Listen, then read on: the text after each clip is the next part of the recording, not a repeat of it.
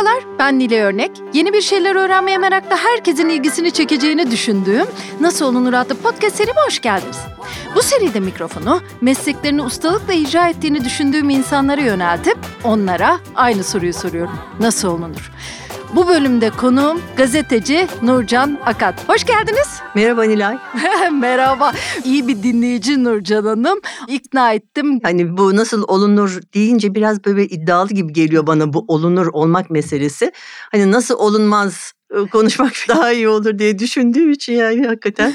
İkna etmekte zorlandım ama çok da hoşuma gitti. Gazeteci dedim. Şimdi gazetecilik birikiminden yararlanarak başka işler de yapıyor. Kendisi anlatır. Ama Nurcan Akat ismi söylendiğinde hep aynı şey de söylenir. Türkiye'nin ulusal basında ilk kadın genel yayın yönetmeni. Kadınların gazetecilikte yaşadıkları zorluklar hep ilk akla gelen bu sorularda isimdir. Ama biz onun dışında bir şey yapalım da çok istiyorum. Yani bir Nurcan Akat nasıl olmuş, bugünkü olduğu noktada neler onu etkilemiş bunları konuşalım. Aynı zamanda da bugünkü gazeteciliği de konuşalım. Yeni medyayı da konuşalım. Diyebilirsiniz ki yeni medyayı siz iki eski nesil gazeteci niye konuşuyorsunuz ama yeni medyayı kurmak için eski bazı öğretiler de gerekli. Bunun da konuşulması gerekiyor. Onu da düşündüğüm için Nurcan Hanım burada olsun çok istedim bir. İkincisi ben kendisiyle uzun süre çalıştım. Uzun mu bilmiyorum aslında kısa da sayılabilir bilmiyorum ee, ama milliyette. 6 sene. 6 sene hiç Az kısa da değil. Az da değilmiş çünkü ben Amerika'daydım. Geldim siz oradaydınız ve yan yana oturduk. Sıra arkadaşıydık. Bütün o haber toplantıları çok uzundur. Başka bir ömürdür onlar.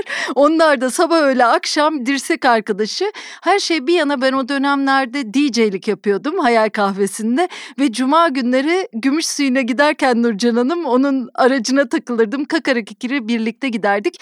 Başka bir ilişkimiz oldu sonrasında da hep böyle ne bileyim bir ilişki sorunundan iş sorunlarına hep bir telefon arkadaşımdı.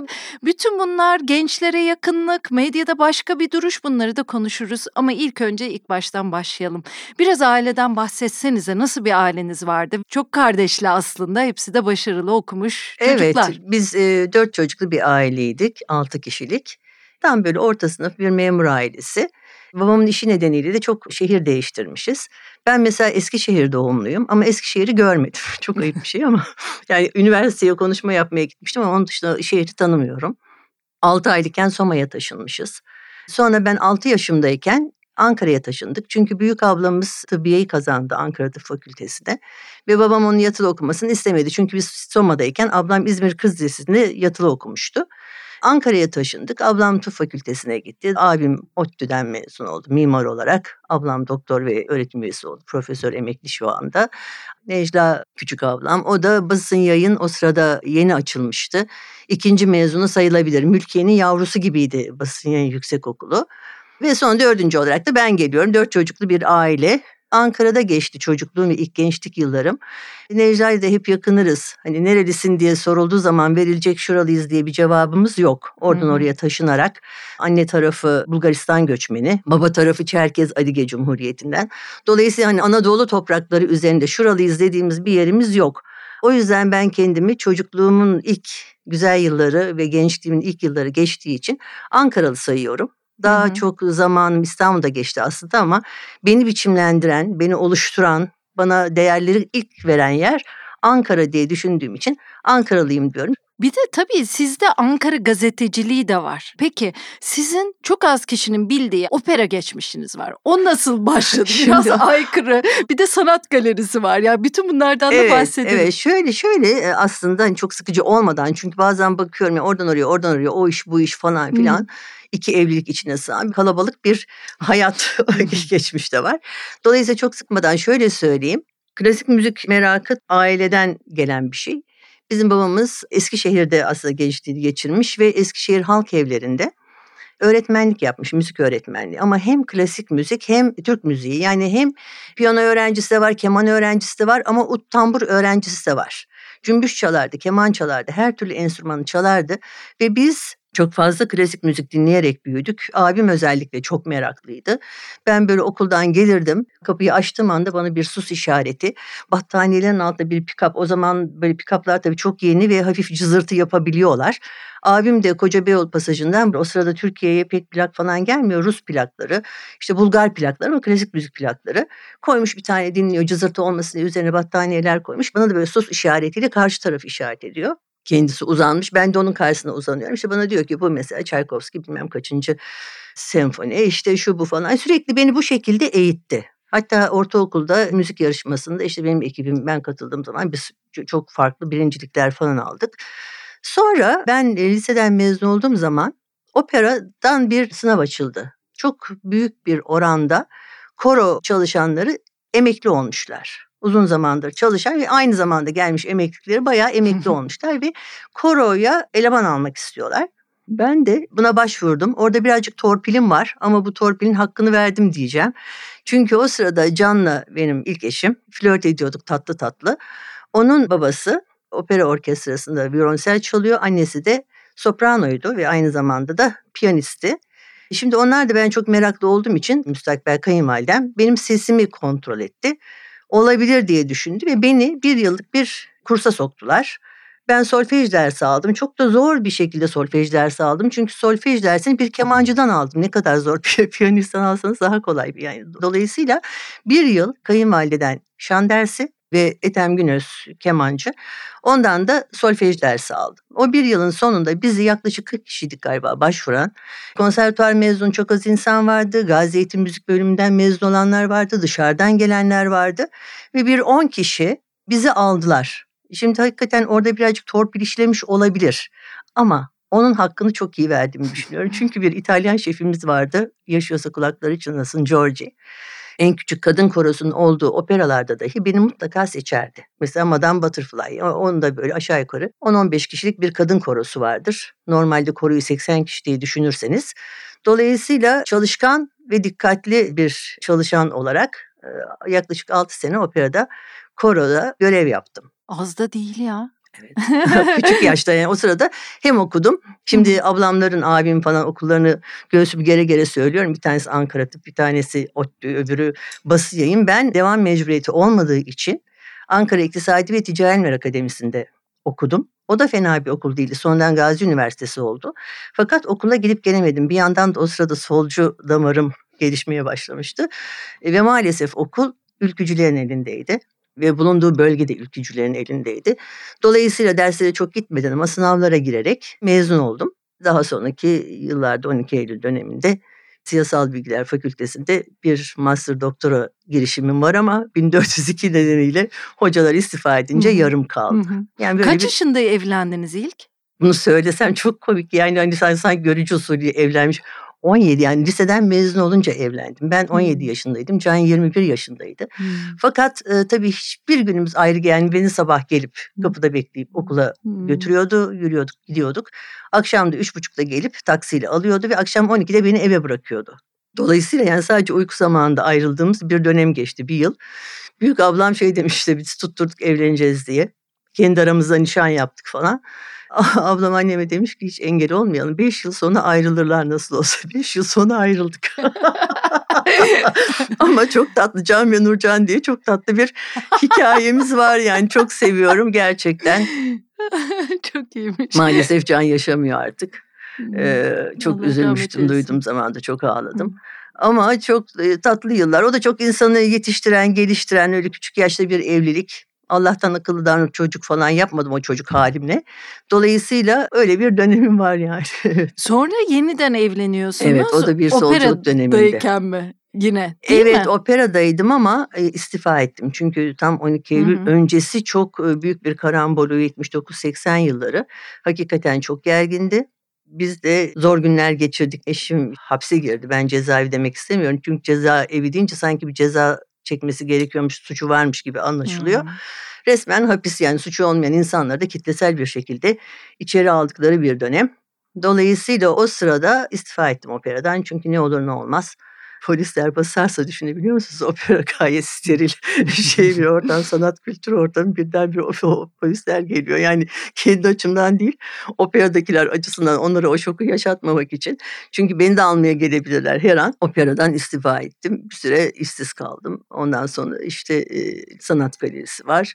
O dönemlerde kaç yaşındasınız? Şimdi şöyle söyleyeyim 17 yaşında evlenip 22 yaşında boşandım. 24 yaşında tekrar evlendim. Hı hı. Bu evlilik yani 24 yaşım artık solculuk dönemim. Eşim de öyle. Eşim hapse girdiği zaman 26 yaşındaydım. O iki buçuk sene hapishanede kaldı. O çıktıktan sonra zaten İstanbul'a geldik. Ama onun hapishanede olduğu dönemde ben Ankara'da sevgili arkadaşım kulakları çınlasın Figen Batur'un e, Levni Sanat Galerisi'nde onun isteği üzerine onun yöneticisi olarak çalıştım. Aslında bana sahip çıktı kol kanat gerdi sağ olsun. Yani ben de onun tabii işine yaradım ama Figen orada bana bir sosyal sorumluluk projesi yapmış oldu öyle söyleyeyim. O nasıl bir dönemdi? Neler öğrenmişsinizdir? Hem operadan yani bugünkü hayatınıza ya da gazeteciliğinize yansımaları hem de o sanat galerisi günleri. Mesela değişik insan tipleriyle tanışmak olur. Sizin hep bir duruşunuz vardır mesela. Yani güzel giyinirsiniz. Ne bileyim o iletişimdir. Belki onların getirisi vardır diye düşündüm. E tabii bir kültür sanat ortamı yani opera çok çok etkileyici bir şey. Sahneye çıkıyorsunuz, temsiller yapıyorsunuz. O zaman çok seyircisi vardı operanın. Hala da vardır umuyorum. İnşallah öyledir. Kapalı gişe oynarsınız ve o sahnede olmak, pür dikkat kesilmek, zamanında sahneye çıkmak. Çünkü koro her dakika sahnede değil. Gider arkada oturursunuz dinlenme yerine. Sonra size anons yaparlar. Orada gider sahne yanında beklersiniz. Sonra da sahneye çıkarsınız. İşte ona göre giysiler, terziler, dekorlar çok çok etkili, çok güzel. Benim için çok harika bir dönemdi diyebilirim. Seviyorum ben çünkü hakikaten müziği seviyorum. Operayı çok seviyorum. Dolayısıyla beni çok tatmin eden aslında e, ruhumu besleyen bir şeydi ama e, tabii herkes çok bana göre büyüktü. Ben onların işte çok küçüktüm. Tabii tiyatrocular mesela bugün çok ünlü olan tiyatrocuların hepsini zaten çünkü büyük tiyatro ile Ankara Operası aynı binayı kullanıyor. Hı hı. Dolayısıyla mesela Murat Anmungan ben operada koro sanatçısıyken o da gencecik, incecik bir dramaturgtu. Ya ne Tabii. Hı hı. işte Derya Baykal şahane böyle çok hoş bir genç kızdı. Hı hı. O kadar çok insanı o dönemden tanıyorum. Mazhar Alan sonra tiyatrocuydu o sırada, tiyatrodaydı. Zuhal Olcay'dan tutun yani herkes o sırada konservatuvardan yeni mezun olmuş. Tiyatrocular orada burun burnasınız, dansçılar onlar da burun burnasınız. Yani çok hoş bir ortam, çok güzeldi. Ama bir entelektüel boşluk yaratıyor. Yani sonuçta kültür sanatla ilgilisiniz ama ben bir yandan çok okuyan bir insanım. Hakikaten aile, sosyal demokrat bir aile. Okuyorum, yazıyorum, solculaşıyorum falan. Onunla çok bağdaşmadı opera. Ya da ben öyle zannettim. Ben bunun solculukla bağdaşmayacağına inandım kendi kendime. Bir burjuva kültür ortamı diye düşündüm herhalde. Dolayısıyla oraya kendimi işte solculukla çok bağdaştıramadığım için istifa etmek bana daha iyi geldi. Ve hayatımı çok şekillendiren şeylerden bir tanesi o opera deneyimi. Çünkü hep şunu söylerim yani gazetecilikte de çok benzetiyorum. Aslında iyi bir kulağınızın olması lazım. Ya tabii bir de dinlemek. Her dinlemek şey lazım. İyi bir kulağınız olacak, dinleyeceksiniz ve uyumlu bir şekilde konuşacaksınız. Hmm. Şimdi burada o müziği, o kadar sesi, çok sesli müziği dinlemeye alışkın bir kulak. Hmm. Toplumdaki sesleri de daha fazla duyabiliyor diye düşünmüşümdür her zaman. Yani o kulağımın bana çok yararı olduğuna inanıyorum ben. Yani belki soyut bir şey söylüyorum hani. Yo Cem toplumdaki... Mansur da aynısını söyledi biliyor Öyle musunuz? Mi? Çocukken çok sesli müziğe alıştırsak çocukları bambaşka Başka bir toplum bir şey. Gerçekten diye. bambaşka Aynen. bir şey. Başka şeyleri hmm. bir, bir sürü şey dinlemeye çalışıyorsunuz. Bir sürü şeyleri başka farklı sesleri, başka farklı düşünceleri anlamaya, dinlemeye çalışıyorsunuz. Mesela gazeteciliğimde bazen bana söylerlerdi.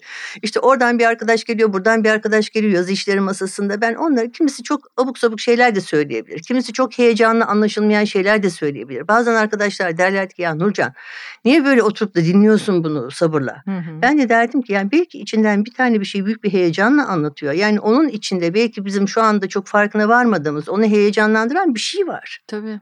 Tabii. Bir de ekip Yoksa olmak niye gelsin var. bana anlatsın? Yani tabii ki. Sahneye saygı duymak var. Evet, o evet, onun sahnesi. Evet. Yani mesela. can kulağıyla dinlemek, önemsemek ve duymak. Yani bunun çok faydasını gördüm diye düşünüyorum gerçekten. Hı hı. Yani operada olmasaydım da klasik müzik merakıyla belki bu bende zaten olabilirdi. Fakat opera bunu çok pekiştiren bir dönem oldu.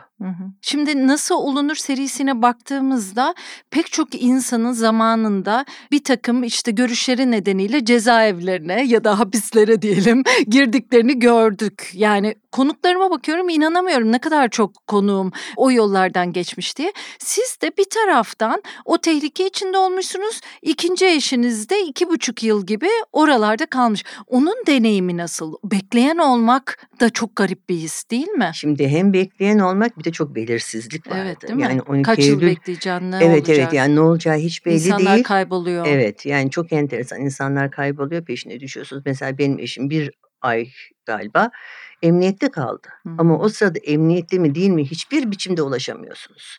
Ne durumda öldü mü kaldı mı bilmiyorsunuz. Ölenler oldu çünkü işkencelerde. Tabii. Dolayısıyla hani nerede olduğunu bilmediğiniz bir durum var. Çok tedirgin edici bir şey.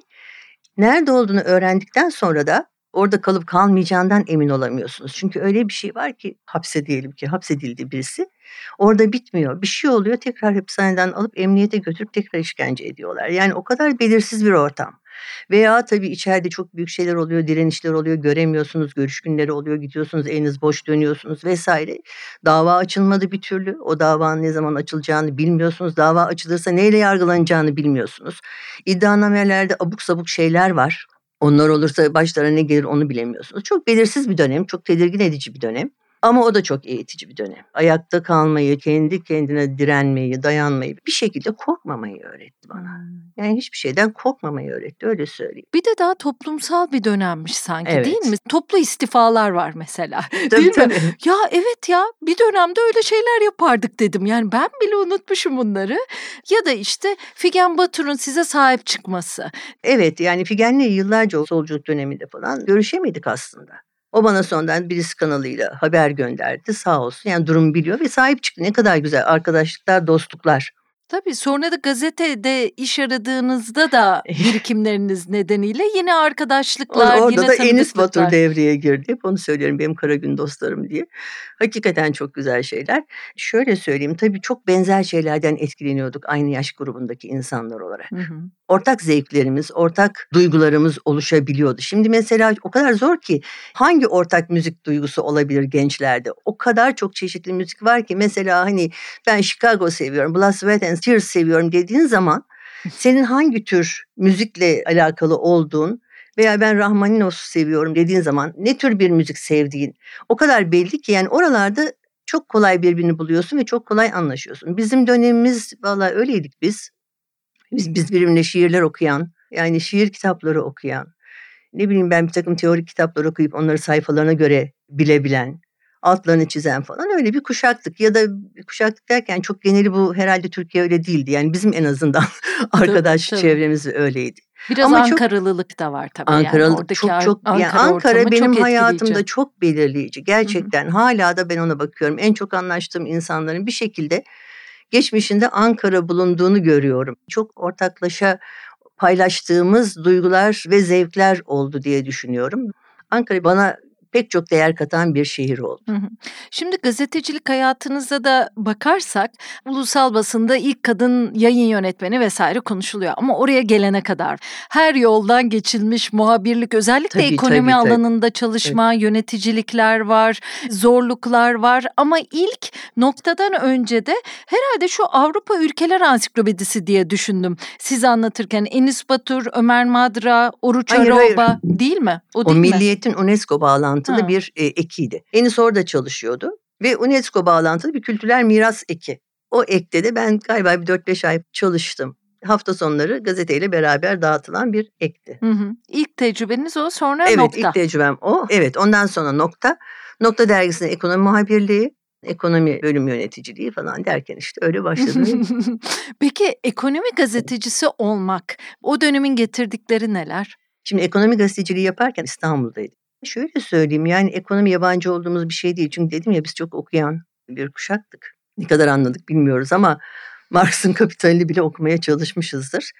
Dolayısıyla eşim de zaten Tüm İktisatçılar Birliği'nde onun başkanıydı. Yani ekonomi bizim hayatımızın içindeydi. Çok takip ettiğimiz bir şeydi. Zaten Türkiye ekonomisi o yıllarda gayet berbat bir durumdaydı.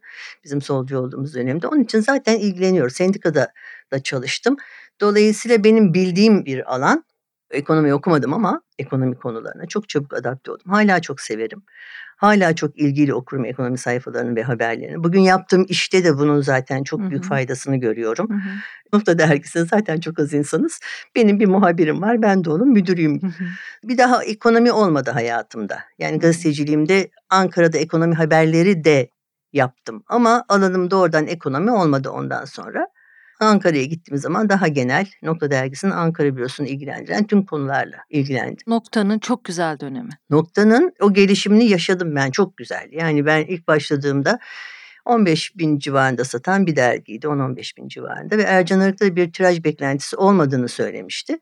Biz de o sırada böyle bir hani Time dergisi, Newsweek dergisine benzer bir dergi yapmaya çalışıyorduk. Daha siyasi işte 12 Eylül döneminden yeni çıkılmış siyasi partiler yeni baştan pıtır pıtır kuruluyorlar falan. Onlarla ilgili kapaklar, konular yapmaya çalışıyoruz. Ama bu Ercan Bey'in hoşuna gitmiyormuş anlaşılan. Sonra genel yayın yönetmenliğinde Haluk o ayrıldı ve kendisi yönetmeye başladı bir şekilde dergiyi. Ve o zaman Türkiye'de çok değinilmeyen toplumsal olaylara çok derinlemesine dalan hı hı. kapaklar, onları Tabii. inceleyen çok sarsıcı şeyler yapmaya başladık noktada. Tiraj giderek yükseldi bir işkence kapağında 140 bin sattığımızı biliyorum. İşkenceci bir polis itiraflarını yayınladık 12 Eylül'de yaptığı işkenceleri. 140 bin yine onun devamı olan haftada da 110 bin sattı. Bunlar net satışlar. Yani bir daha hiçbir dergi Türkiye'de böyle rakamlar görmedi. Yani inanılmaz bir şey. Ondan sonra dergi aşağı yukarı 70-80 binler rayına oturdu. Hı hı. Dolayısıyla çok parlak dönemlerini noktanın yaşadığım için çok mutluyum. O, orası da bana çok şey kazandı. Tabii Ercan Arıtı'dan çok şey öğrendim. Tabii. Çok Hı-hı. şey öğrendim. Peki siz uzun dönem işte ekonomi gazeteciliği olsun, yöneticilikler olsun, Ankara, İstanbul çalıştınız. Milliyet'te hatta birlikte çalıştık. Habertürk kurulurken ben ayrıldım. Onu da söylemek isterim. Çok anlatırım. Hatta ilk kitabın Bütün İyiler Biraz Küskündür'ün girişinde de var. Onu söyleyeyim ondan sonra diğer tecrübeleri geçeyim. Çünkü bu tam bir nasıl olunur öğüdü bence. Ben ayrılıyorum.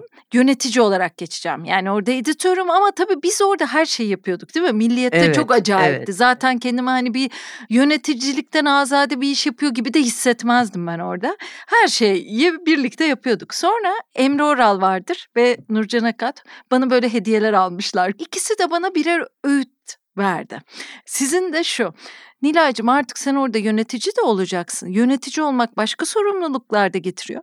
Ne zaman bir şikayetin olsa çözüm önerinde olsun. Böyle özetleyebilirim. Siz daha güzel ifade etmişsinizdir. Ama bu benim hayatımı gerçekten değiştiren önerilerden biri oldu.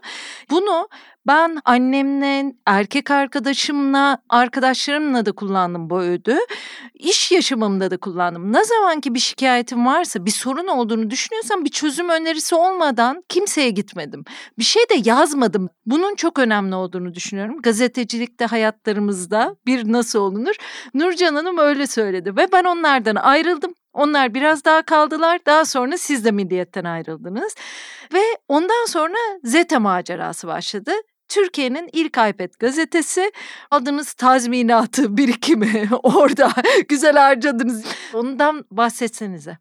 2009 yılında, şimdi hatırlayacaksın sen de Türkiye biliyor, Doğan grubuna çok ağır bir vergi tahakkuk ettirdi hükümet.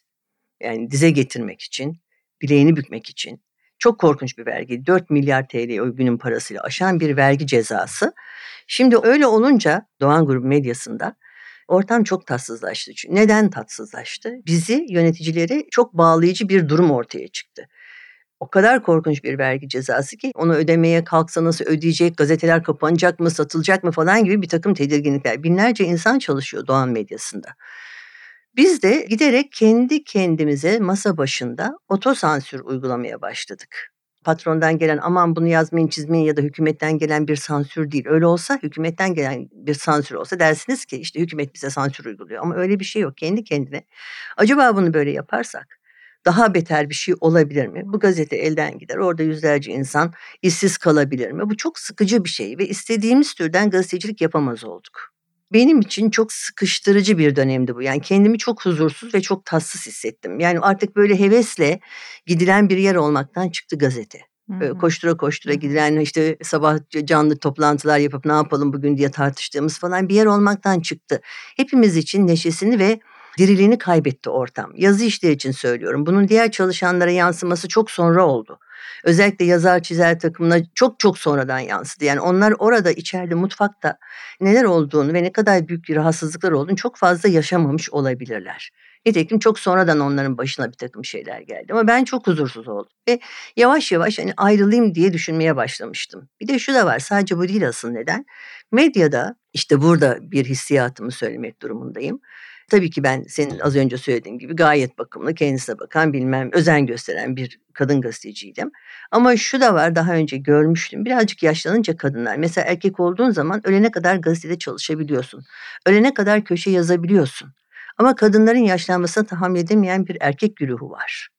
Ben de yavaş yavaş bir süre sonra hani ben kendim ayrılmasam belki onlar beni ayrılmaya zorlayabilirler. Hani ben bunu asla istemiyorum ne münasebet. Hiç öyle bir hava yoktu. Ama bu olabilirdi. Hem o hem de ortamın çok sıkıcı olmasından dolayı ben acaba ne yapsam ne yapsam ne yapsam hani şey şey yapılır acaba Bodrum'a gidip beyaz gömlek mi üretsem Niye? Güzel olurdu o da güzel. Evet, niye beyaz gömlek? Sizin vardı öyle bir beyaz tişört, beyaz, beyaz tişört, gömlek. beyaz gömlek hastalığım var ve bir türlü bana uygunlarını bulamam. Hep erkek gömlekleri giyerim. Omuzlarım ah, geniş olduğu de. için. Yani kadınlara yaptıkları bluzlar, bluz diyeyim gömlek yapmıyorlar. Düdük gibi insanın üstüne yapışır falan. Ben de onlar için rahat edemiyorum. Böyle güzel salaş işte sondan çıkan boyfriend modası var ya. onun gibi o dönemde acaba öyle bir gömlekler mi yapsam? Acaba başka bir şey mi yapsam? Necla ablam hep söyleyip duruyordu gel Nurcan benle çalış ama PR tarafına geçmek istemiyorum o sırada. Böyle bir sıkışmışlık içindeydim. Yani gitmek istiyorum ama ne yapacağımı bilemiyorum. Ama ayrılmak istiyorum. Yani çok çok baskın bir duygu haline aldı.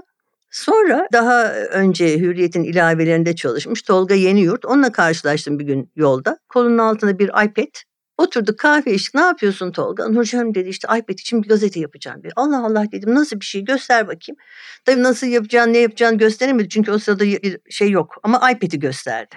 O sırada Türkiye'de iPad falan yok. yani ne delilik.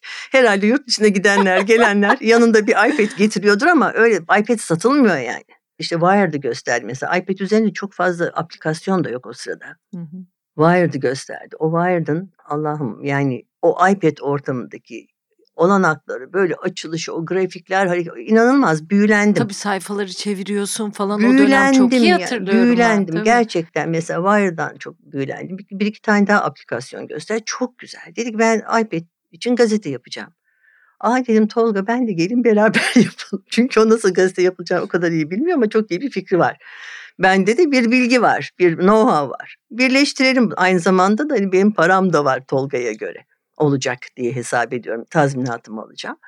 Neyse işte biz böyle başladık. Hakikaten ben istifa ettim. Tazminatımı aldım. Bütün maddi yük benim üzerimde oldu yalnız Zete'nin. Tabii hazıra daha mı dayanır? Nasıl finanse edeceğim şeyi. Sonra bir süre sonra Tolga ile bizim ortaklığımız bozuldu. Zete benim üzerimde kaldı. Ama tabii finanse etmem lazım. Sonuçta orada insanlar çalışıyor. Çok kalabalık değil. 2-3 kişi, 2-3 editörüm var ama çok güzel çalışıyoruz. Sen gelmiş olabilirsin belki. Yok gelmedim. Nişantaşı'nda küçücük Hı-hı. bir ofis. Orada 2-3 kişi açık ofis aynı masanın etrafında çalışıyoruz gençlerle. Neler yaptım? ZETE'yi finanse etmek için. Şimdi mesela hibeler alınabiliyor. O nasıl hibe alınıyor onu da bilmiyorum. Nasıl para kazanılır hayatımda hiç bilmiyorum. Ben hep memur gibi yani aylık maaşla çalışmış bir insanım. Yani para kazanmak için ne yapılır? Bir takım melek yatırımcıların kapısını çaldık aslında. Fakat onlar da o kadar yeni bir projeyle gittik ki yani hiç anlayamadılar bir bizim ne yapmaya çalıştığımızı. bir dönem değildi tam. Yani hiç, bu hiç, girişimcilikler, tabii, tabii, tabii, tabii, hiçbir şey yok. Tabii, falan tabii. sonradan gelişti. Yani onlar şöyle düşünüyorlar. Bir, bir güzel bir iş olsun orada. Hemen şak şak parayı verelim ve bir sene sonra para kazanmaya başlayalım. Biz öyle bir vaatle gitmiyoruz. Bizim işimiz öyle paldır küldür para döndürecek bir iş değil. Fakat güzel bir şey yapmaya çalışıyoruz. Bir kere bir teknoloji üretiyoruz. Neresinden bakarsan bak yani sadece gazetecilik değil. Bir teknoloji üretiyoruz ve çok farklı bir formatta bir haber mecrası yaratmaya çalışıyoruz. İnandıramadık. Böyle birkaç kişiyle konuştuk. Bizim ne yapmak istediğimizi anlayamadılar. Ya biz doğru düzgün anlatamadık ama Tolga bana anlatınca ben hemen anlamıştım. Ama para yatırmak istemediler bence. Dolayısıyla oralardan para bulamayınca tabii iş başa düştü. Ben ne yaptım? Bir büyük holdingin şirket dergisini dijitale çevirdim. Dijital dergi olarak yaptım. Ama onların mavi yaka çalışanları, işçiler için de gazete yaptım. Bir basılı gazete, bir dijital dergi. Sonra yine bir e-ticaret markası için ekibimle beraber dijital dergi yaptım. Bir kurumsal iletişim kitabı yazdım. Ondan para kazandım. Önemli bir derneğin ekonomiyle ilgili ve resmen yeniden yazdım diyebilirim. Tek tek rakamları kontrol ederek, yurt dışı yayınları kontrol ederek bir büyük kitabını redakte ettim ama dediğim gibi yeniden yazdım. Bir büyük şirkete dört yıl boyunca aylık bültenler yazdım. Bu arada medya eğitimleri verdim ve hala vermeye zaten devam ediyorum. Buralardan almaya çalıştığım paralarla işte Reuters'ın, AP'nin parasını, çalışanlarımın maaşlarını, ofisin kirasını falan ödemeye çalıştım. Yani bana bir şey kalmadı. Sonuçta her şey bitti. Artık benim ekstra bir şey yaratacak imkanım kalmadı. Bu yapılan işler de yetmediği noktada havlu attım ve 2016 yılında ZT'yi kapatmak zorunda kaldım. Kapatıyorum diye ilan ettiğim anda da Twitter'da birdenbire büyük bir coşkuyla nasıl olur şöyle güzel böyle güzel yani o kadar şaşırdım ki hem çok mutlu oldum demek ki gerçekten bir yerlere değmişiz bir takım şeyleri insanlara anlatabilmişiz, fark etmişler. Hem de bir yandan da çok üzüldüm. Neredeydiniz dedim. Yani neredeydiniz ben bu kadar boğuşurken. Tabii. Yani ben Zete için mesela Zete'yi yapmaya çalıştığım zaman e, gazetelerdeki arkadaşlarımdan da yardım rica ettim. Ne olur haberini yapar mısınız? Yani o kadar zorlandım yani çok fazla destek olmadılar. Hani laf olsun diye işte sağda solda birkaç bir şey çıktı ama ne yaptığımı anlamadı kimse. Yani birazcık da onlara komik göründü. Çünkü kutu kutuydu. Pinterest'i düşün. Pinterest daha yok o sırada. Onun gibi kutu kutu olduğunu düşün. Onu yukarıdan aşağıya. Hatırlıyorum ben tabii tabii. Evet aşağıya doğru inen Hı. haberlerini düşün. Her gün ayrı bir dergisi vardı. Dijital dergi. Çok güzel içerikler yaptık. Yani 6 gün 7 gün düşün bir dergi eki var. Aynı zamanda çok güzel iPad'de gazetesi var güncel.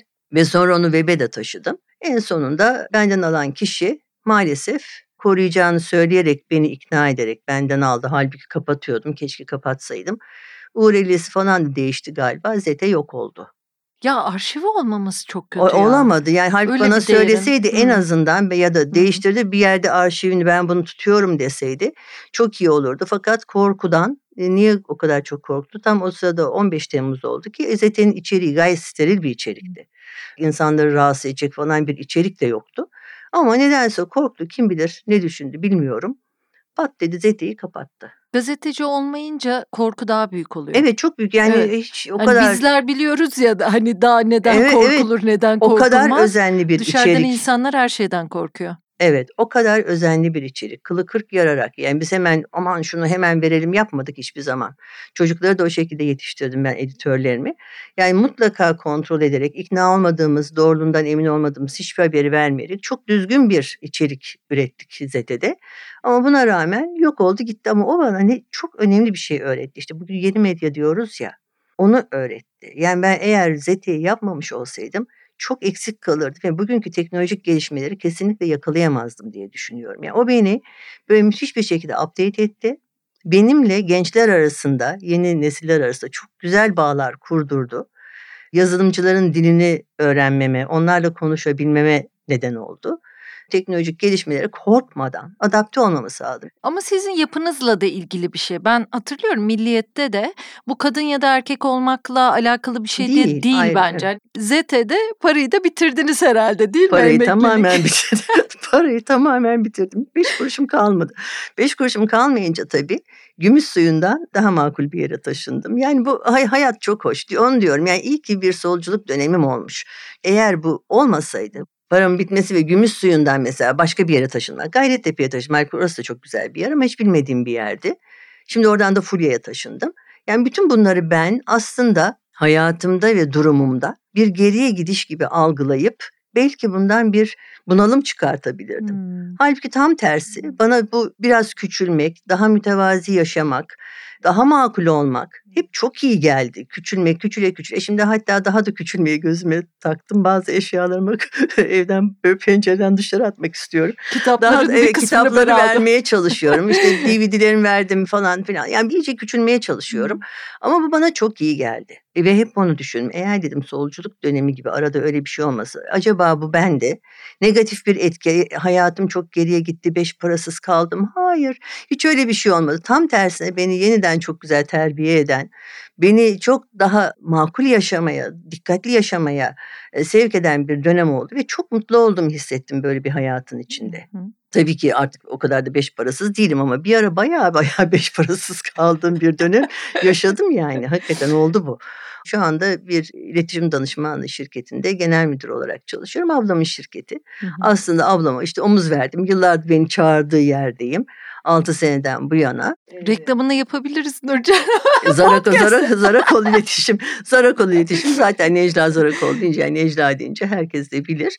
6 senedir oradayım. İlk başta birazcık yadırgamış gibiydim. Yani çünkü PR deyince hep gazetecilerin kafasında başka bir şey var. Yani Hı-hı. şirketleri methetme bilmem şeysi falan gibi. Halbuki değil öyle. Zaten Necla'nın da öyle çalışmadığını yıllardan beri biliyorum. Her müşteriyle çalışmadığını da biliyorum. Çok seçici davrandığını biliyorum ve çok katı kuralları olduğunu da biliyorum.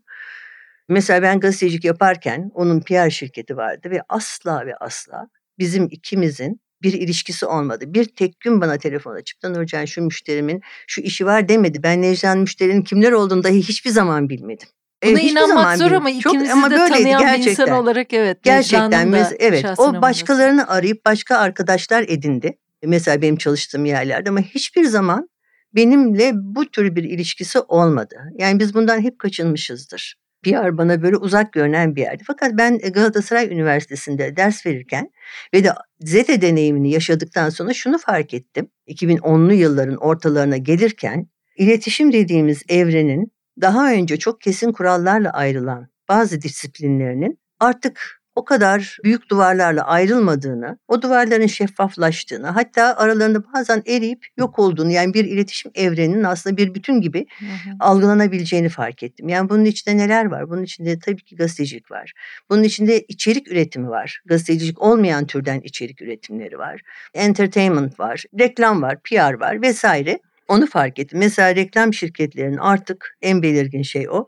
Evvelden en güzel, en büyük, en dayanıklı, en sağlam diye yapılan reklamları şimdi artık şöyle şeyler duymuyoruz. Hep insana dokunan noktalardan bir, bir duygusal hikayeler çıkararak reklam yapmaya çalışıyorlar. Bu aslında PR'ın işi. Yani şirketle ilgili bir itibar çalışması gibi, bir imaj çalışması gibi bir şey yapıyorlar. Ben de zaten bu tarafa geçince gazeteciliğimi hiçbir zaman kaybetmeden hep Necla'ya onu söyledim. Ben buraya geldim diye PR'cı olmuyorum. Bu şirkette gazeteci olarak var oluyorum. Ve dolayısıyla gazeteci titizliğiyle aynen o şekilde bakıyorum. Ekonomi gazeteciliğime geri döndüm.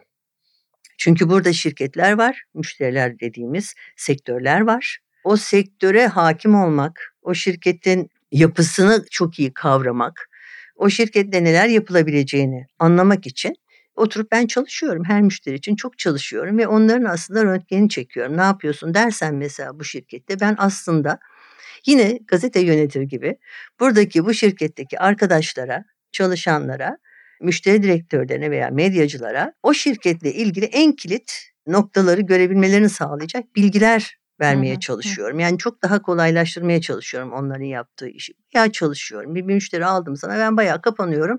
Onunla ilgili çalışıyorum. Onun bulunduğu sektörle ilgili, onun rakipleriyle ilgili çalışıyorum. Ve bu bana çok iyi geliyor. Şimdi neden iyi geliyor? Burada da bana bir yeni öğrenme alanı açıldı.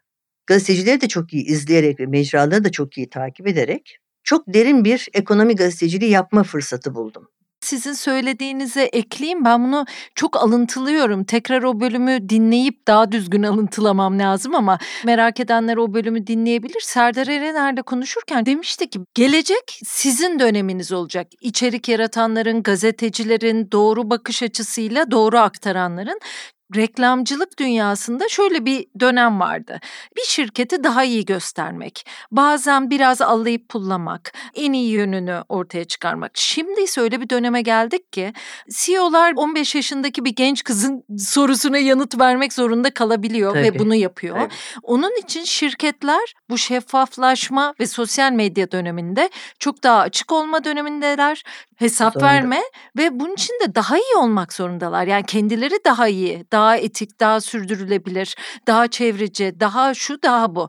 E bunları da en iyi anlatabilen, İnsanlara ihtiyaçları var. Bazen bizim taraftan çok net gördüğümüz, çok basit gördüğümüz ya da bizim yetenek olarak görmediğimiz şeyler ne kadar enteresan onlar için yararlı olabiliyor değil mi? Tabii. Yani mesela ben o medya eğitimlerinde genel medya evrenini, içinde bulunduğumuz medya evreni hem dünyada hem Türkiye'de anlatıp bir genel çerçeve çizdikten sonra gazetecinin duygusunu, gazetecinin karşısında ne yapması, ne yapmaması gerektiğini vesaire onları anlatıyorum. Yani çok da yararlanıyorlar ve çok da şaşırıyorlar. Yani ne kadar medya eğitimi almış olsalar da eskiden gazete mutfağında bulunan bir kişiden e, bunları dinlemek çok enteresan. Ben de tabii anekdotlar da var. Bütün bunları süsleyen bir sürü anekdotlar da oluyor. Eğlenceli geçiyor ama hakikaten şirketlerin yani o insanların onu bilmiyor olması ya da aslında bildiklerini zannederek ama aslında Hı, bilmediklerini tabii, fark tabii. etmesi falan çok ilginç oluyor. Bugün medya da tabii değişti. Yani bizler için de hani gazeteciyim diyen pek çok insanın da sosyal medyayla çok değiştiğini fark ediyorum. Yani bizim etik kurallarımız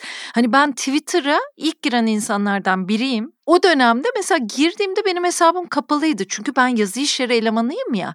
Yani benim elime şu partiden ya da bu partiden haber gelebilir. Ben herhangi bir tarafta görünmeyeyim. Yani bizim kendi özel hayatlarımız da daha gizliydi. Hani biz kendimiz yaşıyorduk ama evet. sosyal medya böyle değil. Bambaşka anlayışlarımız vardı. Gezi çok şey değiştirdi vesaire. Bunlardan konuşuruz. Ama sizin demin dediğiniz şeyle de ilgili bir şey söylemek istiyorum dediniz ya solculuktan belki de. Hani daha kolay adapte olabilmek, küçülmeyi öğrenmek. Bunlar kolay gibi gelebilir dinleyen insanlara ama bir gazetede yöneticilik yapmış bir insanın küçülmesi, bütün birikimine bir yeni mecrayı yatırması, bitirmesi, yepyeni işlere girmesi ancak onu gazetede çalışan hatta yönetici olan bilir. Ya çünkü gazetedeyken hani böyle doktorların tanrı sendromundan bahsedilir ya. Ya bizlerde de var değil mi gazetelerde özellikle yönetici olanlarda. Çünkü çok şey ayağına gelir.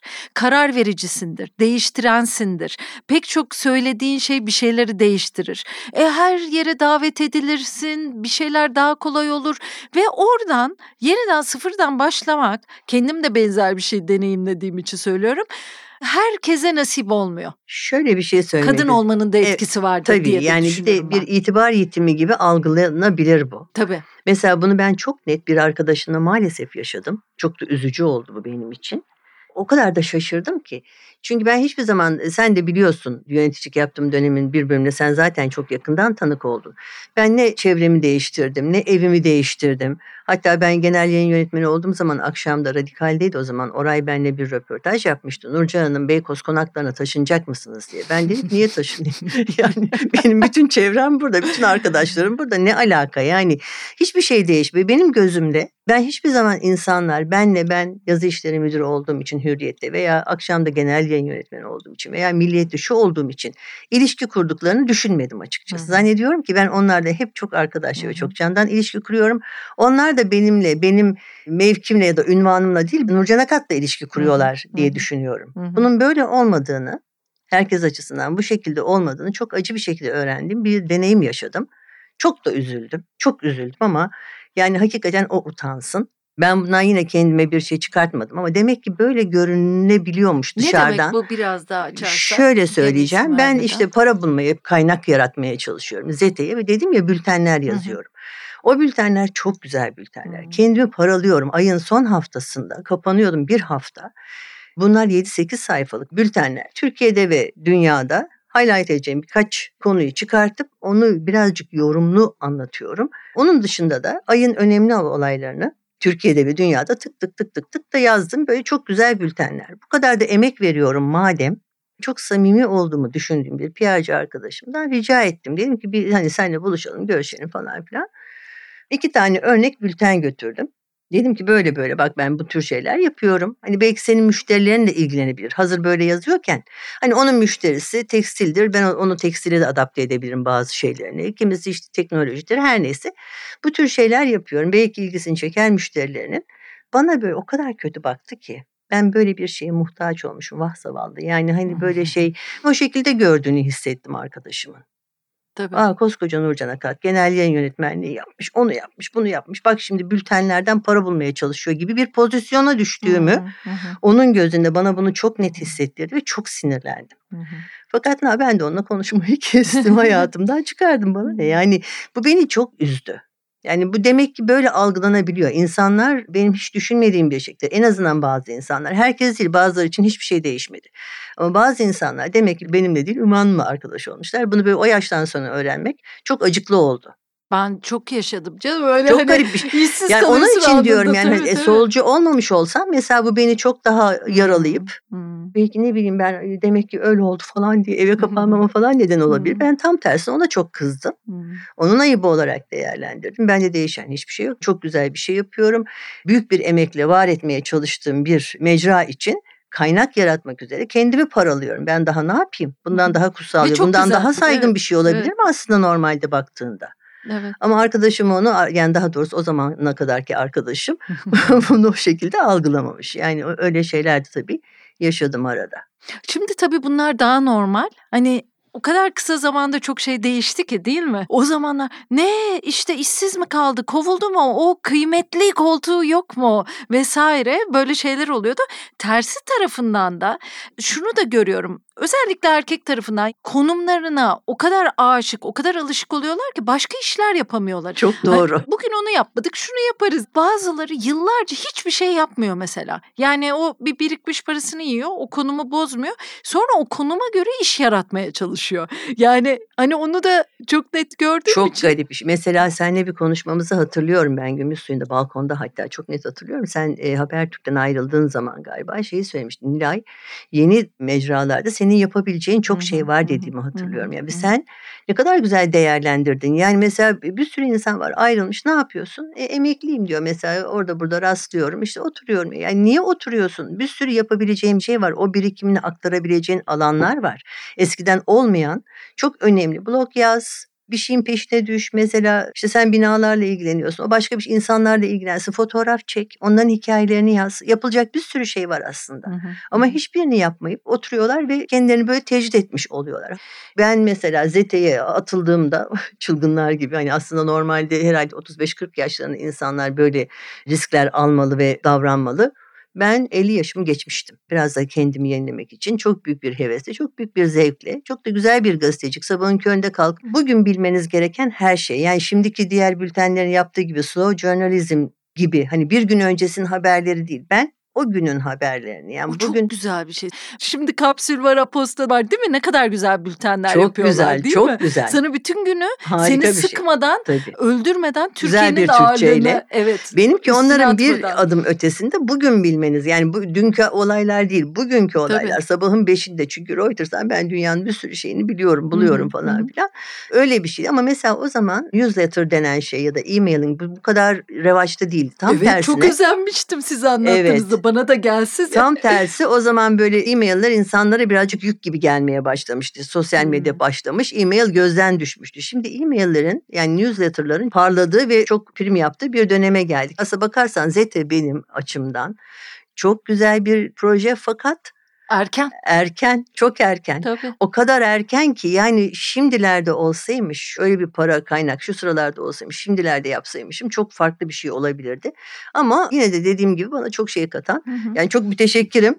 Hala öyle bir deneyimi yaşamış olduğum için çok farklı bir çevre edinmemi sağladı. Hı hı. Ve gençlerle tekrar çalıştınız Tabii, hatta. tabii. Yani bütün o bizden genç- daha gençlerle. Çok daha Çünkü biz- gençlerle. evet milliyette genç bendim. Evet, evet. Tabii Böyle tabii. bi- bilirim 20'li ya. yaşlardaki gençlerdendi benim Hı, editörlerim. Daha çok da Galatasaray Üniversitesi mezunlarından. Bir de şeyde dikkat ediyordum birbirleriyle iyi anlaşan e, gençlerin olmasına. Şimdi onlar 30'lu yaşlarını geçtiler. Evet. Şimdi de benim yine işte kapsülü yapmış olan ekiple, Aposto ekibiyle ve diğer yeni mecralarla, teyitle çok yakın ilişkilerim var. O gençlerle Şahane. ben yani çok önceden bağlantı kurdum. Çok seviyorum. Yani mesela işte kapsülü okurken ne yapıyoruz? Bütün günün bir özetini alıyoruz. Haberlerinin linklerini görebiliyoruz. Daha uzun okuyacaksak, Hı hı, ilgileniyorsak videolarını. Dünyadan haberler, ekonomiler en sonunda da dergi tarzı haberler var. Hafta sonu haberleri de yapıyorlar. yapıyorlar. Ve bir taraftan da reklam ilişkisini daha doğru kuruyorlar. Yani kaynakları da belli. Bugünün sponsoru şu diyor mesela. Açıkça söylüyor Açıkça onu da tabii, söylüyor. tabii. Ama şuna dikkat ediyorlar mesela gencecik yaşlarında aferin o gençlere mesela Apostol'da falan greenwashing yapan şirketlere falan hiç yanaşmıyorlar. Yani veya işte şirketin geçmişinde bir takım şeyler var ama evet. Apostol'a e, sponsor olmak istiyor. Onlara yanaşmıyorlar. Oralarda en büyük seçici tehlike, yani tabii tabii çok büyük tehlike. o zaten. Onlara yanaşmıyorlar. O, o bakımdan gayet steril kendi kaynaklarını işte benim yapamadım. Ben para kazanmayı bilemedim ama yine de 10 sene önce de bu olamazdı. E-mailing yaparak para kazanamazdın. Kimse Ya bir de şirketler de yeni yeni öğreniyorlar. Ücretli ilişkiyi nasıl kuracaksınız? Yani bu podcast bile storytel olmasa nasıl sürer? Evet, hani onu tabii ki, düşünelim. tabii ki. E çünkü şirketler hemen geliyorlar. Bizim adımızdan şöyle bahset, CEO'muz çıksın. Ya böyle bir şey değil ki bu yani. Tabii Sen olmaz, desteklemek tabii istiyorsan başka bir şey.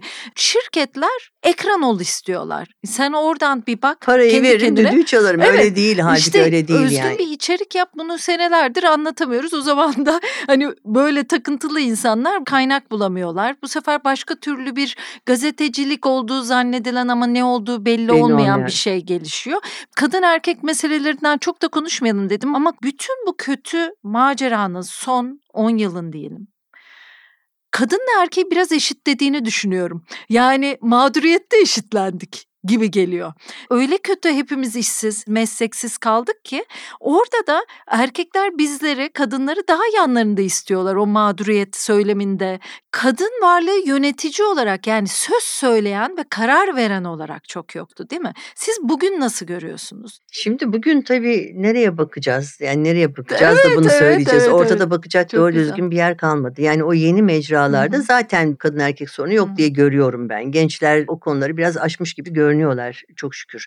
Ama o ilk mağduriyetlerde de hatırlarsan yine gazetelerden ilk tasfiye edilenler kadınlar oldular. Senin de içinde bulundun akşamda yani dikkat et. Beş kadın birden yani kapının önüne konulanlar kadınlar oldular öncelikle. Ama ondan sonra erkeklerin de başına gelince hakikaten mağduriyette bir eşitlik ortaya çıktı. Ama genel olarak yönetici pozisyonunda kadınları çok yanlarında görmek istemiyorlardı. Fakat şöyle söyleyeyim Nilay, bana mesela çok fazla sorulan bir soru. Tabii. Kadın olarak, işte kadın yönetici olarak yaşadıklarım, yaptık. O kadar çok konuştum ki. Şimdi mesela bazen telefonla arıyorlar ya da mail atıyorlar genç akademisyenler. İşte diyorlar ki Nurcan Hanım kadın gazetecilerin sorunlarıyla ilgili bir tez hazırlıyorum. Ben ilk başlarda bunları hani akademik çalışmadır diye peki falan diyordum. Fakat şimdi farkına vardım ki genel olarak hep gelen talepler işte bu kadın gazetecilerin sorunları üzerine. Şimdi Allah aşkına bu mağduriyet dediğin için buraya değinmek istiyorum. Medyanın bugün sorunu yani bu kadar dağılmış, bu kadar kutuplaşmış, bu kadar sahiplik sorunu yaşayan medyanın bugünkü sorunu kadın gazeteci sorunu mudur? Medyanın bugün çok daha büyük halkın ha- haber alma hakkını Tabii özgürlük, engelleyen bir takım e, Tabii. kısıtlamalarla işte e, ifade özgürlüğü, genel iletişim ortamını kısıtlayan, sınırlayan yasal düzenlemeler nedeniyle o kadar büyük sorunları var ki bu hem kadın gazetecilere hem erkek gazetecilere herkese aynı şekilde etki eden bir durum. Bunları konuşalım. Bunları lütfen yapın. Bunları tez konusu olarak seçin lütfen. Ama işin kolayına kaçıyorlar. Dolayısıyla içinde bulunduğumuz şu dönemde medyayı daha iyi bir hale nasıl getirebiliriz? Bu kısıtlamalara rağmen nasıl gazetecilik yapılabilir? Bunlara karşı nasıl mücadele edebiliriz? Bu ifade özgürlüğü sorunu bir süre sonra nereye varabilir? Yani bunlar konuşulsun. Bunlar üzerinde birazcık daha çalışma Hı hı. yapılsın. Eskiden de şöyleydi ben gazetede çalışırken 8 Mart'larda ararlar telefonla. İşte hocam şurada bir konuşma yapar mısınız? Ve sonra orada da fark ettim ki 8 Mart'tan 8 Mart'ta aranan konuşan bir kadın haline geliyorsun. Onu da hissettiğim zaman onlara da artık hayır demeye başlamıştım. Şimdi de bu kadın gazeteciler meselesi gündeme geldiği zaman mümkünse artık bu konuda konuşmamak istiyorum. Çünkü içinde bulunan ortamda artık gerçekten çok derin bir ifade özgürlüğü sorunu var ve bu sorun aşılmadan medyadaki diğer sorunları tartışmanın bir anlamı yok. En büyük sorun bu. Yazamamak, çizememek, anlatamamak kaldı ki şimdi sosyal medyaya getirilen düzenlemeyle beraber iyice yazılamayacak, çizilemeyecek. Mesela enflasyon yüzde yüz oldu dediğin zaman halk infiale mi sürükleniyor? Bundan dolayı 3 yıl hapis yatacak mı insanlar? Hı hı. Bunlar yazılamayacak mı? Yani bu kadar önemli, bu kadar ciddi sorunlar varken ben artık bu kadın gazeteci meselesini geride bırakalım diye düşünüyorum. Zaten benim Türkiye'de ulusal çapta basılan ve dağıtılan bir gazetede genel yayın yönetmeni oldum bilmeyen kalmadı. Değil mi? Ben de çalışırken artık gel, gelmeden önce aradım Nurcan Hanım ya. Ay. Buna artık nasıl bahsetmeden geçebiliriz Evet, değil mi? yani gerçekten. Hakikaten, ya, hakikaten öyle. Ama tabii şöyle bir şey. Çok katılıyorum. Başka bir şeyden artık daha çok bahsetmemiz gerektiğini ben de vurguluyorum ama tabii sizin gibi bir insanın bu kadar aşama geçmiş bir insanın oraya değişmeden, bozulmadan hepimizin çeşitli kötü haberlerde mutlaka etkisi var. Biz de orada bulunduk. Kendi günahlarımızla, Tabii. sevaplarımızla bunu da söyleyerek söylüyorum. Ama bir dakika ya rağmen, hakikaten rağmen çok güzel bir şey. Yani şimdi Nurcan Akat yaşında, konumunda aynı işleri yapmış bir erkekle değil de bir kadınla konuşuyorsan bu nasıl olunurunda çok büyük etken. Yani kadın nelere rağmen yapmıştır Yani diye konuşmak için yani ben de sözü açma gereği duyuyorum. Yani Yoksa şey çok gibi, haklısınız. tabii. Gerçekten mesela çok tuhaf bir şey. Bunu söylemek sinirime dokunuyor bir yandan. Şimdi ben gazeteciye muhabir olarak başladım. Ekonomi muhabiri. Ekonomi bölümü yönettim. İster müdürde ister şefte.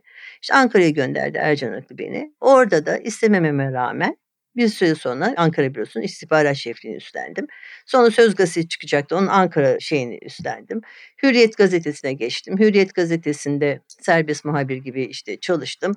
Sonra Güneş Gazetesi'ne geçtim Ankara'da. Orada Ankara temsilciliği yaptım. Köşede yazdım. Sonra İstanbul'a geldim. Hürriyet'te haber müdür yardımcılığı, haber müdürlüğü, yazı işleri müdürlüğü, yayın koordinatörlüğü yaptıktan sonra akşama genel yayın yönetmeni oldum.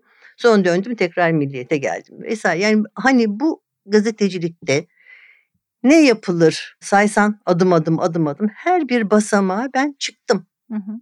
Mecburmuşum gibi. Sonra bakıyorsun erkekler işte orada insanın birazcık tepesini tası atıyor. Aa daha 35 yaşında genel yayın yönetmenliği olanlar. Nereden bir siz bu kadar yetenekli oldunuz da bu kadar donanımlı oldunuz 35 yaşında hemen genel yayın yönetmeni oluyorsunuz. E niçin bir kadın ben değil başkası da yani niçin bir kadın aynı yeteneklere sahip olduğu halde 35 yaşında genel yayın yönetmeni olması düşünülemiyor.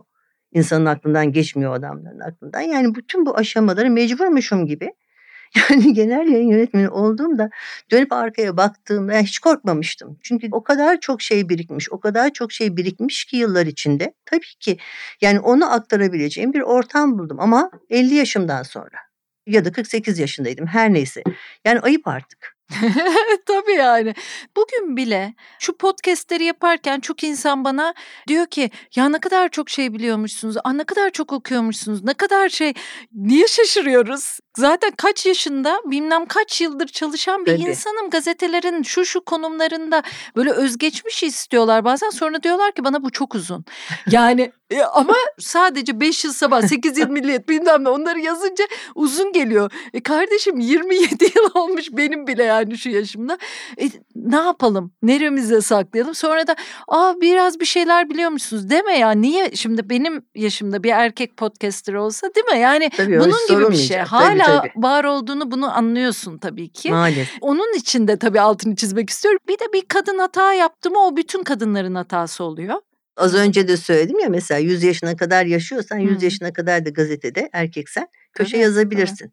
Muhtemelen şöyle bir yükünüz vardı. O kadın yöneticiliklerde Nurcan Akat yapamasa bütün kadınlar adına bir başarısızlık o. Bir erkek yapınca öyle olmaz. Onu şöyle söyleyeyim. Onun çok somut bir şeyi var. Hürriyet gazetesinde bir gün çok sinirlendim yazı işleri toplantısı. Çok sinirlendim. Yani şu anda tartıştığımız konu ne olduğunu söylemeyeyim. Hatırlıyorum da konuyu. Ertuğrul Özkürk'le bayağı bir birbirimize girdik. Ve yazı işleri toplantı odasından huşumla çıktım. Önce de editör arkadaşlarımız var. Ve ben yani yeter artık dayanamıyorum. Ayça Aktan çok da sevgili bir arkadaşım. Döndü bana dedi ki o sırada editör. Ben ya yazı işleri müdürüyüm haber koordinatörüyüm. Nurcan dedi lütfen bir yere gitme ayrılma dedi. O beni o kadar kendime getirdi ki. Dedim ki aman Allah'ım bu kadınlar benden daha genç olan, benden daha orada kıdemsiz olan kadınlar. Demek ki bana bakıyorlar. Yani bu benim onu çok net görmemi sağladı. Demek ki bana bakıyorlar. Yani ben orada ayrılıp gitsem artık bir daha Hürriyet'in yazı işleri müdürlüğüne bir kadın gelemeyecek, olmayacak. Yani dolayısıyla benim orada ne olursa olsun tahammül edip kalmam gerekiyor. bir de bizlere ayrılmış alanlar vardır ya. Yani biz eklerde köşe yazabiliriz ama ana gazete daha hani İşte. Onunla ilgili de bir şey söyleyeyim sana. Hürriyet'in Ankara bürosunda çalışmaya başladım. Çetin Emeş çok da seviyordum kendisini. Yani gerçekten Allah rahmet eylesin diyeyim. Çetin Emeş'te ben Ankara bürosuna yeni girdiğim zaman hmm. kadınım ya. Hükümet değişmiş. Şöyle bir şey istedi. Nurcan'ım gitsin bakan eşleriyle konuşsun. Ben bir sinirlendim. Ne münasebet dedim ya yani ben kadınım diye bakan eşleriyle mi konuşacağım? Ben gazeteciyim ben gider bakanla konuşurum. Niçin bakan eşleriyle konuşacağım? Ondan sonra neyse öyle bir şey olmadı. Ben gidip bakan eşleriyle konuşmadım. Bir daha da benden böyle bir şey talep eden olmadı. Ama öyle yani ilk başta ilk bakışta bu. Bakanlarla erkekler konuşsun, bakan eşleriyle kadınlar konuşsun. Ya çok acayip dönemler geçirmişiz. O kadar zor ki geçmişin bazen kirli, zor geçmişin dünyasını konuşmak. Hafız öyle bir şey ki şu yazı işleri masasında ya da bugün oturduğumuz Storytel odasında benim hafızam tarafından bu konuşma başka işleniyor, sizinkinden başka işleniyor ya. E sonra bunları ortaya döktüğümüzde bambaşka şeyler Tabii. konuşuyoruz. Bir. İkincisi o dönem hesaplaşılmamış, hesabı sorulmamış şeyleri bugünün politik doğruculuğundan bakıp da o günü yargılamak ne kadar doğru? Her şey bir yana of ne zor günlermiş ve çok da eğlendik. Tabii.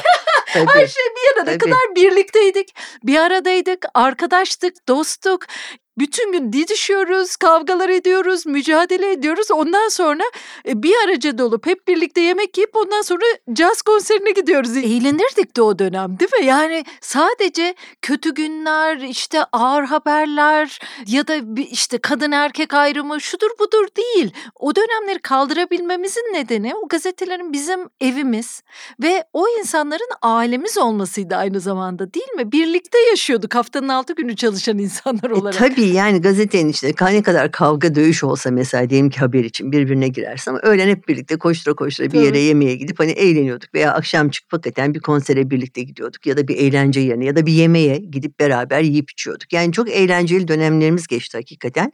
Bu kadar yakın temaslı olmadan zaten bir gazeteyi yapmak çok zor bir şey. Mesela pandemiyle tamam eve kapanıldı anlıyorum ama pandemiden sonra bile hala bazı gazeteler şu anda evlerden hazırlanıyor. Yani bu nasıl olabilir? Birbirine temas etmeden sadece ekran üzerinden bir toplantı yaparak gazete mi yapılır?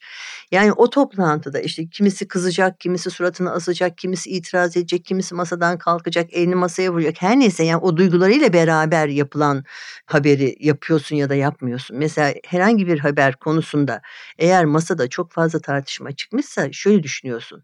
Biz bu haberi bu şekilde verdiğimiz zaman toplumda da aynen bu masada dile getirilen itirazlar gibi itirazlar olabilir. Tabii. Dolayısıyla orada ya bunun dilini başka türlü kuralım ya bunun başlığını başka türlü verelim ya haberi ona göre başka türlü yazalım. Yani o hassasiyetleri dikkate alarak yazalım. Şimdi bütün bunlardan haberdar olmadan sabah mekanik bir şekilde Zoom üzerinden, Teams üzerinden bir toplantı yapıp hadi dağılalım. Kimimiz Ankara'dan, kimimiz İstanbul'dan, kimimiz olduğu yerden bu gazeteyi yapalım. Böyle bir gazete yapılamaz. Ah, Onun için de, zaten tabii. bugün yapılamıyor. Yani bunun nedeni sadece içinde bulunduğumuz yok pandemi, yok efendim işte dijital e, kağıdı çok önemsizleştirdi. Evet yani kağıt gazete okurları yaşlandı zaten. O, o değil. Mesela New York Times gazetesinin bugün 10,5 milyon abonesi var. Bu abonenin 8 milyon civarında dijital ama geri kalan 2,5 milyon gibi çok kocaman bir rakam abonede normal gazetenin abonesi. Oradaki özel yazıları hala okumak için o gazeteyi alan, o gazeteyi okuyan insanlar. Dijitalden değil gazete olarak okuyan. Yani onlar o gazeteyi hem dijitalde çok başarılı işler yaptılar hem kağıdı çok başarılı bir şekilde yaşatabilmeyi başardılar. Dolayısıyla şimdi bütün bunlara hiç kafa yormadan o pandemide oldu hadi evde. Çünkü yani artık gazete zaten yapılmıyor. Onlara da ben artık hani çok gazetede diyemiyorum. Çünkü yan yana olmadan, bağırışmadan, çağrışmadan hakikaten bir haber üzerine hep birlikte deli gibi kafa yormadan, düşünmeden, düşünmeden tartışmadan, tartışmadan nasıl yapılır? Özellikle manşet en önemli şey. İki saat konuşursun. Şunu söylüyorum sadece bu hükümet bitirmedi, kötü gazetecilik de bitirdi tabii, bu dönemi. Tabii tabii onu demek istiyorum zaten. Tabii, tabii. Evet. Bir taraftan da şunu da unuttuk. Güzel yanları da vardı ve doğru yanları da hala da var. Doğru yapılırsa. Nedir bunlar? Biraz da bunları konuşalım isterim mesela. Nasıl iyi gazetecilik yapılır derken bir kere şüphe duyacağız değil mi? Kesinlikle. Merak bir kere. Merak çok Tabii. çok kıymetli bir şey. Merak etmeden zaten gazeteci olamazsın. Merak etmiyorsan zaten git başka bir iş yap. Evet. Ben çok şaşırmışımdır. Bazen gazete yazı işlerinde hiçbir şeyi merak etmeyen insanlar olurdu. Ben o insanların niçin orada editörlük yaptığını falan çok hayret ederdim. Yani mesela gidip başka bir yerde atıyorum bir bankada çalışsa çok daha verimli olabilir. Ama gazetecilikte merak etmeden, kuşku duymadan, şüphe etmeden gazetecilik yapamazsın, yapılmamalı. Şimdi ben sosyal medyada da görüyorum, çok da şaşırıyorum artık kutuplaşma o raddeye varmış ki herkes kendi mahallesinden, kendi düşündüğü türden bir içerikle orada bir post paylaşan kişiyi hiç düşünmeden, hiç şüphe etmeden, acaba doğru mu eğri mi kaynağını hiç sorgulamadan hemen beğeni veriyor veya paylaşabiliyor. Hı hı. Ondan sonra bir bakıyorsun haber o şekilde değil, o doğru değil vesaire vesaire. Bunu yapanlar arasında normal insanların olmasını hiç yadırgamıyorum. Bu olabilir bu kutuplaşma ortamında. Ama ismini cismini bildiğimiz gazeteciler de bu furyaya katıldığı zaman onları da gördüğüm zaman çok hayret ediyorum. Bu nasıl olabilir? Yani nasıl hemen görür görmez pat diye onu like edebilirsin veya pat diye onu paylaşabilirsin? Bir, bir dur bir dur bir dur bir düşün bakalım bu olabilir mi? Bu mümkün müdür? Hı hı.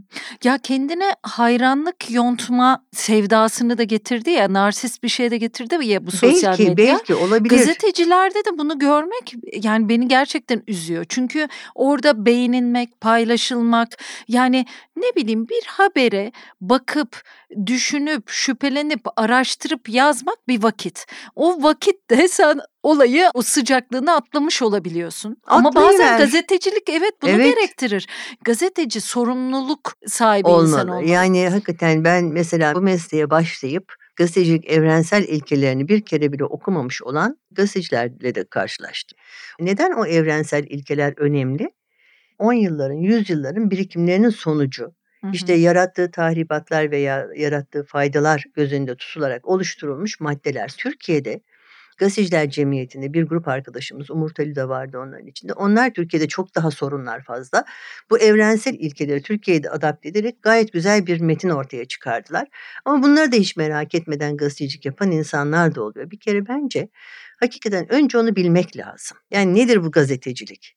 gazetecilik faaliyetini yürütürken biz aslında ne yapıyoruz? Evet bir de editoryal kısım unutuluyor. Evet, evet. Şimdi aracılar kalktı. Pek çok insan buna sevindi. Gazeteler yok, yaşasın. Kağıt yok, yaşasın. Tamam ama editör de yok. Editörün sezgisi yok. Sezgiyle edinilen bilgi o kadar önemli ki. Ya da bir birikimin ortaya dökülüşü. Bazen bilmezsin niye yanlış gördüğünü. O haberde bir hata görürsün. O kişi bunu söylememiş gibi gelir sana. Bunu açıklayamazsın tam da. Bir daha bir bakar Sezgisel. mısın dersin. Evet. evet bu sezgi bizde oturur. Çok enteresan bir örnek şimdi vereceğim. Hürriyet gazetesinde ben tabii artık Hürriyet'te çalışmadım. Yani birkaç sene önce olan bir olay. Sedat Ergin Hürriyet'in genel yayın yönetmeni olduğu dönemde. İnternet sitesinde işte şey toparlıyorlar. Ayın 13'ünün Cuma'ya gelmesi enteresan. 13. Cuma hı hı, falan gibi. Bununla ilgili tarihte hı hı. çok enteresan olaylar olduğuna inanılır ya. Bunlarla ilgili bir şey toparlayalım. 10 maddelik bir haber hazırlayalım. Bunlardan bir tanesi de İsa'nın son yemeği. O şeyden geçmemiş. Ana gazetedeki hı hı. o süreci hiç yaşamamış. Hiçbir şey bilmiyor. İnternet sitesinde bir editörlük yapan bir genç arkadaşımız herhalde bir görsel hemen Google'a giriyor. Google'dan pat pat İsa'nın son yemeği pat diye oradan bir görsel buluyor. Ve bunu koyuyor. Kıyametler koptu. Kıyametler koptu. Çünkü o bir gif. İşte İsa'nın arkasında o sırada başbakan olan Tayyip Erdoğan bir tavuk kemiğini sıyırırken oraya öyle bir şey konulmuş. Herhalde çok izlenmiş, çok tıklanmış, en öne çıkmış. Şimdi bir kere bir Google'da ya da internet üzerine nasıl arama yapacağını bilmeyen bir çocuk. İki, Hürriyet gazetesinin kocaman bir arşivi olduğundan bir haber. Şimdi sen orada editörsen sen önce bakacağın yer nedir? Senin gazetenin arşividir. O gazete yıllar ve yıllar boyunca dünyanın en önemli ajanslarına dünyanın parasını ödedi. Kocaman bir arşiv oluşturdu. Kendisinin yine ajansları kocaman bir arşivi var. E, oralara bakmayı akıl edemeyen çünkü edit, işte editör bunları yapan insan. Yani bir haber önüne geldiği zaman o haberin içeriği eksikse onu yazan muhabire o içeriğin geliştirilmesini söyleyecek. Ona başka belki bir kutu yapılacak yeni bir unsur eklenecek haberi yanlış yazmış olabilir, kurgusunu yanlış yapmış olabilir, asıl haberi en altta yapmıştır da haber konusu asıl üste çıkması gerekir, haber ters düz edilecek. Ona göre spotu yeniden yazılacak, ona göre bir başlık atılacak. Sayfada ayırdığı yere göre bir başlık düşünülecek. Yani editör bütün bunları yapan ben hep onu söylerim. Yani hiç yazık isimleri cisimleri bilinmeyen evet. ama çok önemli e, iş yapan ve sabahtan akşama kadar orada deliler gibi başkalarının işleri güzel görünsün diye sayfalara güzel yansısın diye çırpınan gazeteciler onlar yazı işlerinde. Şimdi bunu bu kadar iyi yapmadığın zaman böyle bir felakete neden olabiliyorsun. Hı hı, Çok korkunç bir şey. Ondan sonra ne oldu? Kıyametler koptu. AK Parti ayağa kalktı. Serhat Ergin işte onu yapan oradaki editörü ve onun başındaki kişiyi işten çıkardı. Ama buralara gelmeden bu kadar vahim hatalar yapılmadan yapılması gereken bir iş. Yani gazetecilik öyle pat diye oradan aldım oraya koydum. Google'dan bir fotoğraf aldım oraya koydum. Google'a eğer bakmayı bilmezsen dünya kadar yanlış bilgi var onun içinde. Çünkü her şeyi çekip alıyor. Doğru bilgi de var, yanlış bilgi de var. Ya o kadar önemli bir şey ki siz söylerken bile aslında bir editörün neler neler neler yaptığını. Tabii. İşte bir de haberin geçmişini bilirsin. Bazen tak diye oradan anlatmazsın. Şimdi biz geçmişi anlatmayı da unuttuk ya haberde. Yani Twitter gündeminde Tabii. birinin bir yorumunu görüyoruz. Diyorum ki bu neyi eleştiriyor acaba? Çünkü o düşünüyor ki bütün Twitter alemi o anda o akışa hakim. Olur mu? Oysa ki biz gazetelerde bir dakika e, olayın geçmişi şuydu diye bazen onu yer olmaz iki satır anlatmak zorundasın. E bir de muhabirler seni sevmez bazen. Çünkü yani herkes haberi geniş ve büyük girsin ister. E sen küçültürsün, suçu sana atabilirler. Güzeldir de bu aslında. Çünkü onlar haber kaynağıyla iletişimde. Ben şöyle iletişim... vermiştim ama yazı işlerinde evet. bunu bu hale getirmişler. Tabii canım o başlığı ben atmadım. Gerçekten bazen kötü başlığı da hatalı başlığı da editör de atar. Tabii. Yani pek çok kabus şeye de yol açmıştır. Bir de sizin dediğiniz birlikte çalışmaya dair şunu da söylemek isterim. Sonradan benim farkına vardığım bir şey bina ilgim nedeniyle Harumut Ortakararkom'a bakarken Sabah gazetesinin binasını yazdım. Eskiden iki telli de benim de çalıştığım bina. Sonra banka olmuş işte Türk Hava Yolları almış çeşitli amaçlarda kullanılmış. Mehmet Konur Albin yaptığı bina. Ben o binayı yıllar yılı sonradan çok özledim. Neden biliyor musunuz? Bence gazete yatay bir mimaride olmalı.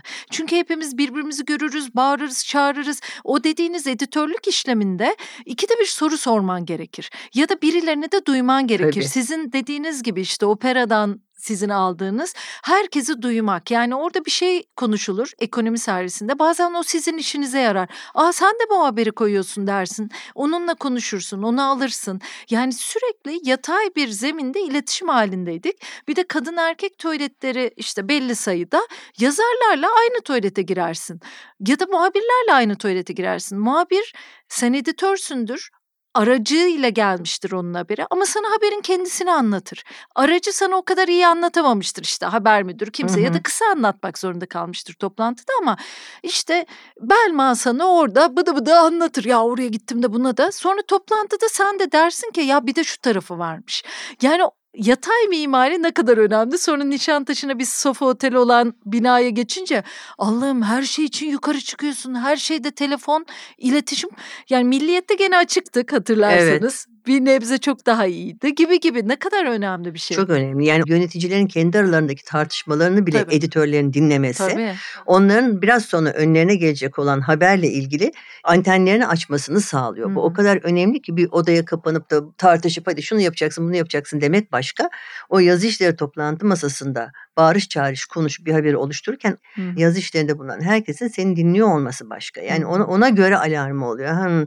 Yani demek ki bunun burası çok daha önemli ya da burası çok tartışma yaratıyor. Çünkü sonuçta o haberi işleyen kişi sen orada onu bu şekilde verelim, şurada verelim, şu kadar büyütelim diyorsun ama o haberi sayfaya koyan, sayfasında işleyen kişi editör. Tabii. Tabii. Ya bir de şu tarafı var. O insanlar siz demin söylediniz bunu bir kez daha vurgulamak isterim. İsimsiz asla Maalesef. isimleri olmayan. Sonra işte gelenekler geldi. Hani sayfa üstüne bu sayfanın editörü çok sonra, yazmak çok gibi çok çok sonra. Bazen bir haberi tümden yeniden yazarsın. Bütün rakamları kontrol edersin. Bütün özel isimleri kontrol edersin. İlişkilerine bakarsın. İkide bir muhabire soru sorarsın. Bazen haberi kendini ısmarlarsın. Hatasını sezersin. Büyük bir hatayı engellersin. Şimdi editör Ertesi günde azar işte bilirsin. Mesela onu niye orada için. verdin, tabii, niye bunu büyütmedin? Tabii, tabii. Çünkü bir başka gazetede mesela o daha büyük bir şekilde hmm, çıkmış tabii. olabilir. Sen onu daha küçük gördüysen bu sefer ertesi gün azarı sen işitirsin. Hmm, yani hmm. dolayısıyla hakikaten çok meşakkatli çok kıymetli. Yani mutfak. Ben Hı. ayırmıyorum. Mutfakta çalışan herkes. Bunun için sayfa sekreterini de koyuyorum, Macintosh operatörünü de koyuyorum, editörü de koyuyorum, yazı işleri müdürlerini de. Yani çünkü oradaki emek tatil yapmazsın, bayram seyranda çalışırsın. Köşe yazarları giderler, gezerler her tarafa yazılarını maille yollarlar. Sen orada akşama kadar deliler gibi çalışırsın. Akşam ekibine devretmeden çıkmazsın falan falan. Ondan sonra tekrar takibini de yaparsın ayrıca. Tabii. Yani bitmez ki hep aynı isimlerle bir arada oluruz. Hep yani Hep, evet, bir dedi. gidiyor bir çay içiyor değişik insanlarla konuşuyor. Sonradan anladım. Tabii. Aslında ne kadar da sıkıcı Tabii. olabilecek bir iş değil mi? Yani haftanın altı günü çok acayip bir altı şey. gün yani bizim mesaimiz haftada altı gün. Ben çok imrenmişimdir. Mesela gazetelerde haftada iki gün izin yapan. O 45 günlük izini 15-15-15 gayet güzel kullanan çok insan vardı. Ama mesela yazı işlerinde bunu Asla. yapamıyorsun. Tabii, tabii. Hep bir gündür izin. Tabii. Ben şimdi burada Necla yanında çalışırken iki gün hafta izni var. Çok mutluyum cumartesi pazar. ne yapacağım bilemiyorum. O bir gün bana böyle çok fazla ve çok ekstra çok güzel geliyor. O fazladan bir gün hala o Güzel'de de her gün çalışıyorum. Altı sene oldu burada hala o bir tanesi o günün bana hediye gibi geliyor. Çok ilginç. Yani bilmeyen bilemez onu. Şimdi sizin nasıl olunurlarınıza benim kafamdakilerden geri dönersek. Yani eğlenmeyi bilmek. Aslında ben sizin güzel de eğlendiğinizi düşünürüm. Hem de nasıl? Birlikte de çok eğlenmişizdir yani. Ama o eğlence içinde tatlı bir mesafe. Kaç sene oldu? Biz neler geçirmişizdir? Nurcan Hanım, Nilay'cığım böyle evet. geçiriyoruz. Yani sonra sabah gidersin aynı saygıyla birbirimizle böyle haber konuşuruz, tartışırız. Değil mi? Eğlenmeyi Tabii. bilmek çok ve önemli. o mesafeyi korumak ne kadar önemli. Yani o hayatın içinde eğlence de var, acı da var, tatlı da var, her şey var. Yani gazetecinin bütün oraları, hayatın bütün alanlarını, oraların taraması lazım. O radarların hep açık olması lazım. Mesela bir gün şöyle bir şey oldu Hürriyet'te. Yeni haber müdürü olmuştum. 90'lı yılların başı. Ertuğrul Özkök gel bir gün yanımdan geçerken Nurcan dedi sen dedi fark etmez fark etmez bu araba buraya park etmesi biliyor musun dedi. Dedim ki ay ne münasebet ne korkunç bir şey. Katiyen bilmiyorum ve bilmek de istemiyorum dedim. Olur mu dedi. Bülent Ersoy'un yeni kaseti bir milyon satıyor bu kaseti. Sen dedi madem haber müdürüsün e, sen bunu bilmek zorundasın. O kadar doğru bir şey söylüyor ki ben sadece kendi zevklerimle habere bakamam. O orada bir milyon o kaseti almış olan ve ona bayılan insan var demek ki. Ve dolayısıyla onu benim bilmem lazım. Bayılmam ya da çok sevmem, benimsemem gerekmiyor bu olur örnek, başka bir şey olur örnek. Yani sen eğer gazeteciysen, hele de gazetenin bir pozisyonda yöneticiysen, onu küçümseme, bunu bilmem yok, görmezden gelme gibi bir lüksün yok. Her tarafı bileceksin, her şeyi yapacaksın, kendin de eğleneceksin. Kas katı bir gazetecilik yaparsan da dünyadan çok kopmuş olursun. Bu hayatın bir eğlencesi de var. Hı hı. Ve onu yaptığın zaman zaten stresini atıyorsun. Zaten gün içinde yeterince geriliyorsun. Ondan sonra stres atabilmek çok keyifli bir şey ve birlikte çok güzel eğlenerek stres atıyorsun. Ertesi günde tekrar gelip işini yapıyorsun. Yani onu yapmasan çok gerilirsin. Çünkü ortam zaten hele o 90'lı yıllar, 2000'li yıllar ortam çok gergin de olmadık şey olmadı. Yani dolayısıyla bunları yapmadan kazık gibi dünyaya küsmüş gibi gazetecilik yapamazsın. İşte onu ama böyle düzeyli tutmak ne kadar önemli ve Tabii. güzel. Size o konuda da hak veriyorum. Hakikaten bizler her şeye birazcık özellikle o mutfakta olan insanlar hakim olmak zorundayız. Yani ben mesela hafta sonu iki yaparken full magazin programlarını Tabii. kaydedip kaydedip izliyordum ki dizi karakterlerini öğreneyim vesaire. Hani şimdi biraz oh diyorum ya kendi istediğim şeyleri derinleşebiliyorum yani. Çünkü o zaman her şeyden biraz bilme şeyiyle biraz bazı alanlar alanlarda eksik kalıyorsun. Bazı alanlarda da daha çok şey biliyorsun bugünkü benim durumumdan. Hı-hı. Ama hani seçme özgürlüğüm var oh diyorum yani. Bu sefer de çok insanı bilmiyorum. Bir de yönetici olmak başka bir şey gazetecilikte. Muhabir olmak, editör olmak başka bir şey. Sizin şu hikayenizi ben çok net hatırlıyorum. Ben sizin yanınızda oturuyordum o gün. Yazı işlerinde toplantı yapıyoruz. İstihbarat servisinden bir arkadaşımız bir şey söyledi hatırlamıyorum. Siz de sinirlendiniz. Sonra öğle toplantısında geldiniz ve arkadaşlar ben bir şey paylaşmak istiyorum gibi bir şey söylediniz haberler okunmadan önce. İhsan. Kulakları İhsan, çınlasın. Evet kulakları çınlasın. Dediniz ki İhsan'a her şekilde bunu söyleyebilirdim ama sesimi yükselttim. Buna da sonra çok üzüldüm. Hepinizin önünde sesimi yükselttim. Hepinizin önünde özür dilemek isterim. Katılabilirim, katılmayabilirim, eleştirebilirim ama bu böyle olmamalıydı. Herkesin içinde özür diliyorum demiştiniz. Çok hoş bir Çünkü herkesin tavırda. içinde kalbini kırmıştım. Hmm, hmm. Şimdi e, ben onun kalbini kırdıktan sonra normalde işleyiş şu. Yöneticiler kalp kırabilirler. Özür dilemeleri katiyen gerekmez. Tabii yöneticinin hakkıdır yani kalbi kırılıversin editörün veya işte şeyin. Ben öyle düşünmüyorum. Ve herkesin içinde ben genelde sesini de yükselten bir insan da değilim. Sen de görmüşsündür o çalışma ortamında. O gün nedense yani söylediği şey birazcık bana ters mi geldi ne olduysa hakikaten gergin bir şekilde karşı çıktım. Ve çok kötü oldu İhsan. Sonra kalbini gönlünü almak istiyorsam yine mail atabilirdim. Odama çağırabilirdim. İhsan işte çok kusura bakma yani ben de işte bugün gergindim falan diyebilirim. Öyle bir şey yapınca o olmuyor, o düzelmiyor. Çünkü onu herkesin içinde rencide etmişsen ben eğer, herkesin içinde de ona itibarını iade etmem lazım. Çünkü yaptığım şey doğru değil. Ve hmm. orada onu söyledim. Hepinizin içinde sabah İhsan'ın kalbini kırdım. Hepinizin içinde de şu anda kendisinden özür diliyorum. Gerçekten bu çok güzel bir şey. Onu yaptığım zaman İhsan çok mutlu oldu. Ben çok iyi hissettim kendimi. Benim gibi insanlar için de ben çok iyi hatırlarım. Çok Ve net Milliyette hatırlarım. yeniydim. Çok... Yani herkesin ne düşündüğünü de bilmiyorum. Mesela Hürriyet'te bunu yapsam herkes bunu niçin yaptığımı zaten biliyor. Beni tanıyorlar. Ama Milliyet'te o sırada daha yeni başlamıştım ve herkesin ne düşündüğünü bilmiyordum. Sen de böyle bir iz bırakmış olması çok güzel tabii. tabii tabii. Çünkü bunu yapmak lazım. Hep birlikte bir iş yapıyoruz. Yani ben yöneticiyim diye senden üstün birisi değilim ki. Yine sizinle ilgili biraz önce de konuştuğumuz şeyin devamı aslında bırakabilmek. Ben bunun çok önemli olduğunu düşünüyorum. Belli koltuklarda, belli maaşlarda, gazetecilikte olmamasını da görüyoruz örneklerini yani bırakamamayı. Tabii yani mesela kimse bana akşamdan git demedi.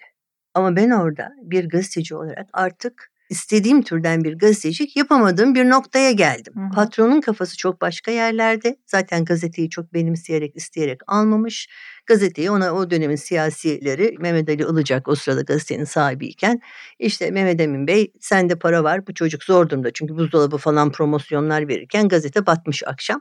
Sen al demişler almış. Gazeteyi çok fazla sevmiyordu Mehmet Emin Kara Mehmet. Gerçi ben, ben oradayken çok geliyordu. Yani onu sevdiği Show TV çünkü ona böyle fazladan verilmiş. Bir de kendisinin çok büyük dertleri vardı. Yani o sırada Pamuk Bank meselesiyle hükümetle bir takım şeyler yaşıyor.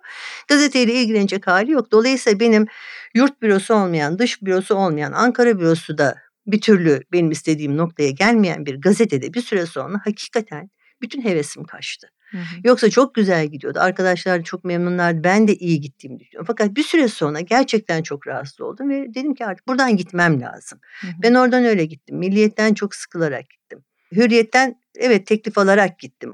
Operadan kendim istifa ettim. Yani o noktaları hissettiğin zaman gidebilmek çok önemli bir şey. Evet. evet bunun bir maliyeti var. Bunun evet. sonucu hiçbir zaman çok parlak olmuyor. Bu hemen size fırsatlar yaratmıyor, fırsatlar getirmiyor. Veya işte söz beni çok seven, bana çok güvenen Ercan Arıklı'dan sabah ekibi gelip de gazeteye gece müdahale ettiler diye pat diye ertesi sabah istifa ettim. Ve Ercan Arıklı hiç bunu benden beklemiyormuş. Yani hemen istifa ettim, kendimi attım ortaya. Yani dolayısıyla hani eğer istediğim biçimde yapamayacaksam bu beni bir yerden sonra rahatsız etmeye başlamışsa veya rahatsız ediyorsa artık alıp gideceksin. Hı hı. Bu ilişkide de böyle bence. Bence evet İşte doğru. de böyle ve bir kere yaptın mı ve sonra o bedelleri ödedin mi? Çünkü bedel dediğiniz bedel, bedel, gibi tabii, ödenmek bedel. zorunda oluyor. Ödedin mi ve ondan sağ çıktın mı? Bu sana çok iyi gelen bir şey bence. Değil mi? Tabii, yani tabii, kendini dinç tabii. hissediyorsun, kendine güveniyorsun, daha iyisini yapabileceğini ve yeni bir dünya yaratabileceğini de biliyorsun. Bence bırakmak o kadar önemli bir meziyet ki yerinde, zamanında seni değiştirmeden ortam. Bunu da görüyorum. Teslim yani. olmadan yani evet, o koşullara evet. teslim olmadan yoksa ondan sonrası ya işte ben burada maaşımı alıyorum boş ver. Sesini çıkarma devam et hı hı. demek çok fena hı. bir şey. Yani o seni sadece mesleki anlamda tüketmiyor aslında. Tabii, o tabii. seni insani olarak, duygusal olarak da çok fazla tüketiyor. Ben şu anda bırakamayan bazı arkadaşlarımın bu duygusal gerilemeyi yaşadıklarını düşünüyorum. İnşallah yaşıyorlardır diye ummak istiyorum hatta. Yani çünkü gerçekten artık bazı yerlerde, bazı konumlarda bekliyorum yani artık bıraksınlar ne var burada niye uğraşıyorlar diye düşündüğüm bazı arkadaşlarım var. Bazı evet. Bazı mücadele dönemleri vardı. Artık o dönemler de geçti. Yok yani artık mi? oralar mevzi değil. Hani o mevzileri çok terk güzel. etmeyelim. O mevzileri Tabii. savunalım noktasını geçtik. Çünkü oralar bir mevzi olmaktan çıktı. Ne yaparsan yap. Sen orada senin yaptığın şey ama bak ben oradayım bunu yazdığım zaman aslında her şeye rağmen şurada bir fark yaratıyor. Yaratmıyor. Yaratsa Evet. yaratır. Hiçbir hiçbir şey görüyor muyuz yarattığını? Bugüne kadar hürriyette bir köşe yazarının yazdığı bir şeyin ya da milliyet yani bir, bir ortam yarattığını, bir gündem yarattığını, insanların en azından sosyal medyada iki satır üzerinde düş- konuştuğunu görüyor muyuz? Görmüyoruz. O zaman bir etki yaratmıyorsunuz sevgili arkadaşlar. Onu da söylemiş olayım bari. Ben Böyle- biraz gülerek şey yapıyorum. Çünkü biz normalde Nurcan Hanım'la bunu böyle konuşurken arada dedikodularımız Tabii. bambaşka oluyor. Ya peki dönüm noktalarınız sizce neler? Sizin zihninizi açan, hayatınızı Şimdi şöyle değiştiren söyleyeyim. kararlar. Yani tabii ki opera çok önemli ama ben onun benim hayatımda bir dönüm noktası olduğunu o sırada idrak etmedim. Sonradan da çok fazla idrak etmedim. Belki dönüm noktası olarak saymam gereken şey bir kere bir 12 Eylül. Hmm. 12 Eylül çok çok çarpıcı bir şekilde benim ve benimle birlikte birçok arkadaşımın hayatında çok keskin bir dönüm noktası maalesef. Ondan sonra Ercan Arıklı'nın beni Ankara'ya göndermesi mesela orada ablamın bana söylediği bir şey. Bana Ankara'ya gönderme teklifini yaptıktan sonra ben o sırada evliyim de ablama danıştım. Necla'ya dedim ki Necla ne dersin? O da bana şunu söyledi. Bugün için o belki geçerli değil ama o, o laf bence çok değerli. Dedi ki Nurcan Ankara'ya yaşamamış bir gazeteci aslında bence tam sayılmaz dedi. Git Hmm. mutlaka git. Çok doğru bir şey söylüyor. Çünkü o yıllarda hakikaten Türkiye hala Ankara'dan yönetiliyordu. Tabii. Şimdi öyle değil. Şimdi. İstanbul'da bütün kurumlar, Merkez Bankası bile buraya geliyor. Ziraat. Bankası buraya geldi. Artık her yer burada. Bütün her şey burada. Zaten Türkiye'yi artık kurumlar da yönetmiyor. Türkiye bir kişi yönetiyor şu anda. O kişi de İstanbul'da da oluyor, Ankara'da da oluyor. Nerede olursa olsun. Onun için bir mekan Ankara İstanbul farkı kalmadı. Meclisin hiçbir fonksiyonu yok artık. Eskiden çok kıymetliydi. E, dolayısıyla o sırada hala Ankara çok güçlü bir yerde ve iyi ki gitmişim. Yani Ankara'da gazetecilik yapmak, yani Ankara'da o devlet kurumlarına vakıf olmak İstanbul'a döndüğün zaman çok işi kolaylaştırdı. Yani ben İstanbul'a dönüp yazı işleri müdürü olduğum zaman bir kere Ankara'da çark nasıl dönüyor? Bunu çok iyi biliyordum. Arkadaşların o haberleri yaparken yaşadıkları zorlukları çok iyi biliyordum. Neyi niçin o şekilde yazmak zorunda kaldıklarını çok iyi anlayabiliyordum. Veya Ankara bürosuyla konuştuğum zaman hem onlara gazeteden beklentilerimizi daha iyi anlatabiliyordum hem onların bana anlattıklarını bizim yöneticilerimize daha iyi tercüme edebiliyordum. Yani bu çok kıymetli bir deney oldu benim için. Yani Ankara'ya gitmem. Nokta dergisinde tabii Ercan Arıklı eğer diyorum ki ben Nokta dergisinde o ortamda başlamamış olsaydım hani milliyeti çok saymıyorum o ortamda başlamamış olsaydım doğrudan Bağbali'de bir gazetede başlamış olsaydım devam edebilir miydim bilmiyorum. Yani noktada çok demokratik bir ortam vardı. Patronla da herkes birbiriyle kavga dövüş. Patronla da çok yakın arkadaş gibi konuşabiliyorduk Ercan Arıklı'yla. Ve o bize, bana daha doğrusu herkes için geçerli midir? Geçerlidir herhalde.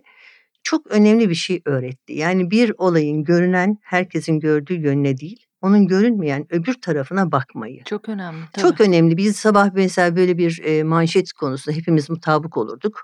Aman çok da güzel bir manşet konusu. Kendi aramızda yaptığımız toplantıda pazartesi günü. Öğleden sonra daha geniş bir yayın kurulu toplantısında daha geniş bir kadroyla ve Ercan Arıklı katılırdı o toplantıya.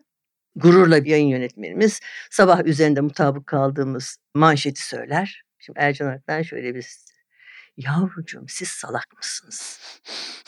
Siz geri zekalı mısınız? Yahu herkes zaten ona bakacak. Yarın bütün gazeteler zaten bundan bahsedecek. Siz ona değil, o insanın bu tarafta mağdur ettiği veya mağdur olduğu tarafa bakın. Yani olayın görünen tarafına değil, görünmeyen tarafına, buzdağının üstüne değil altına bakmayı Ercan Arıklı'dan ve devamında Tuğrul Er Yılmaz'dan öğrendim. O da böyle her şeye anti, her şeye itiraz. Yani insanın biraz sinirlerini bozuyor gibi oluyor. Fakat durup düşündüğün zaman çok geliştirici bir şey. Tabii. Evet yani Tabii. gerçekten Kaslarını geliştiriyor. Kas İşte şüphecilik gelişmez. orada. Yani şüphecilik oradan doğuyor. Tabii. Ya bu gazetecilik için zaten şart olan bir şey. Kesinlikle. Ve bugün kötü gazetecilikten ya da gazeteciliğin erimesinden bahsediyoruz ya.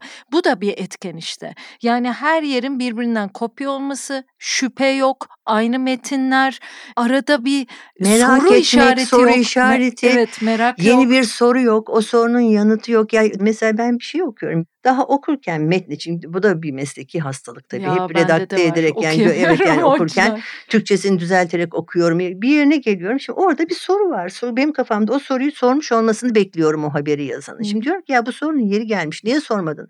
Onun cevabını merak ediyorum ama o soru sorulmadığı için onun cevabı da yok. Çünkü onu yazan insan hiç merak bile etmemiş. Almış lap diye bir yerden tak diye koymuş. Gazetecilik böyle bu kadar tembel işi değil yani. Gazetecilik hakikaten merak işi, şüphe işi, kuşku işi, derinlemesine bakabilme işi. Hı hı.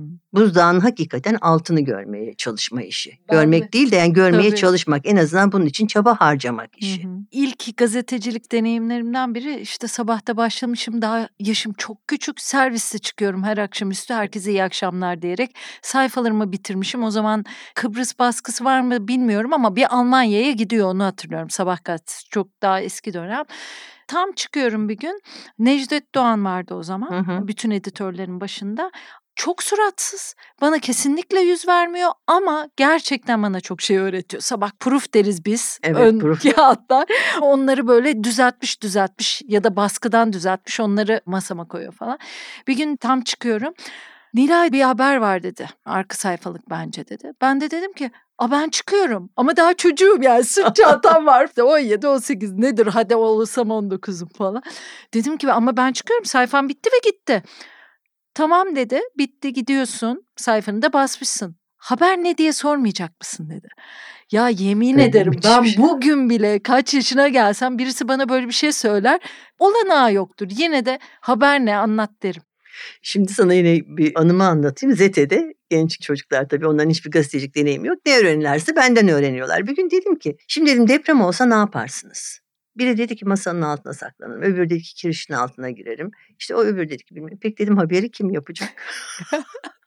o kadar böyle şaşırarak bana baktılar ki yani burada bir haber yani deprem de olsa toparlanıp hemen haberi nasıl yaparımı düşünmen lazım. Yani onu nasıl yaparım? Hemen orada bunu ben nasıl veririm?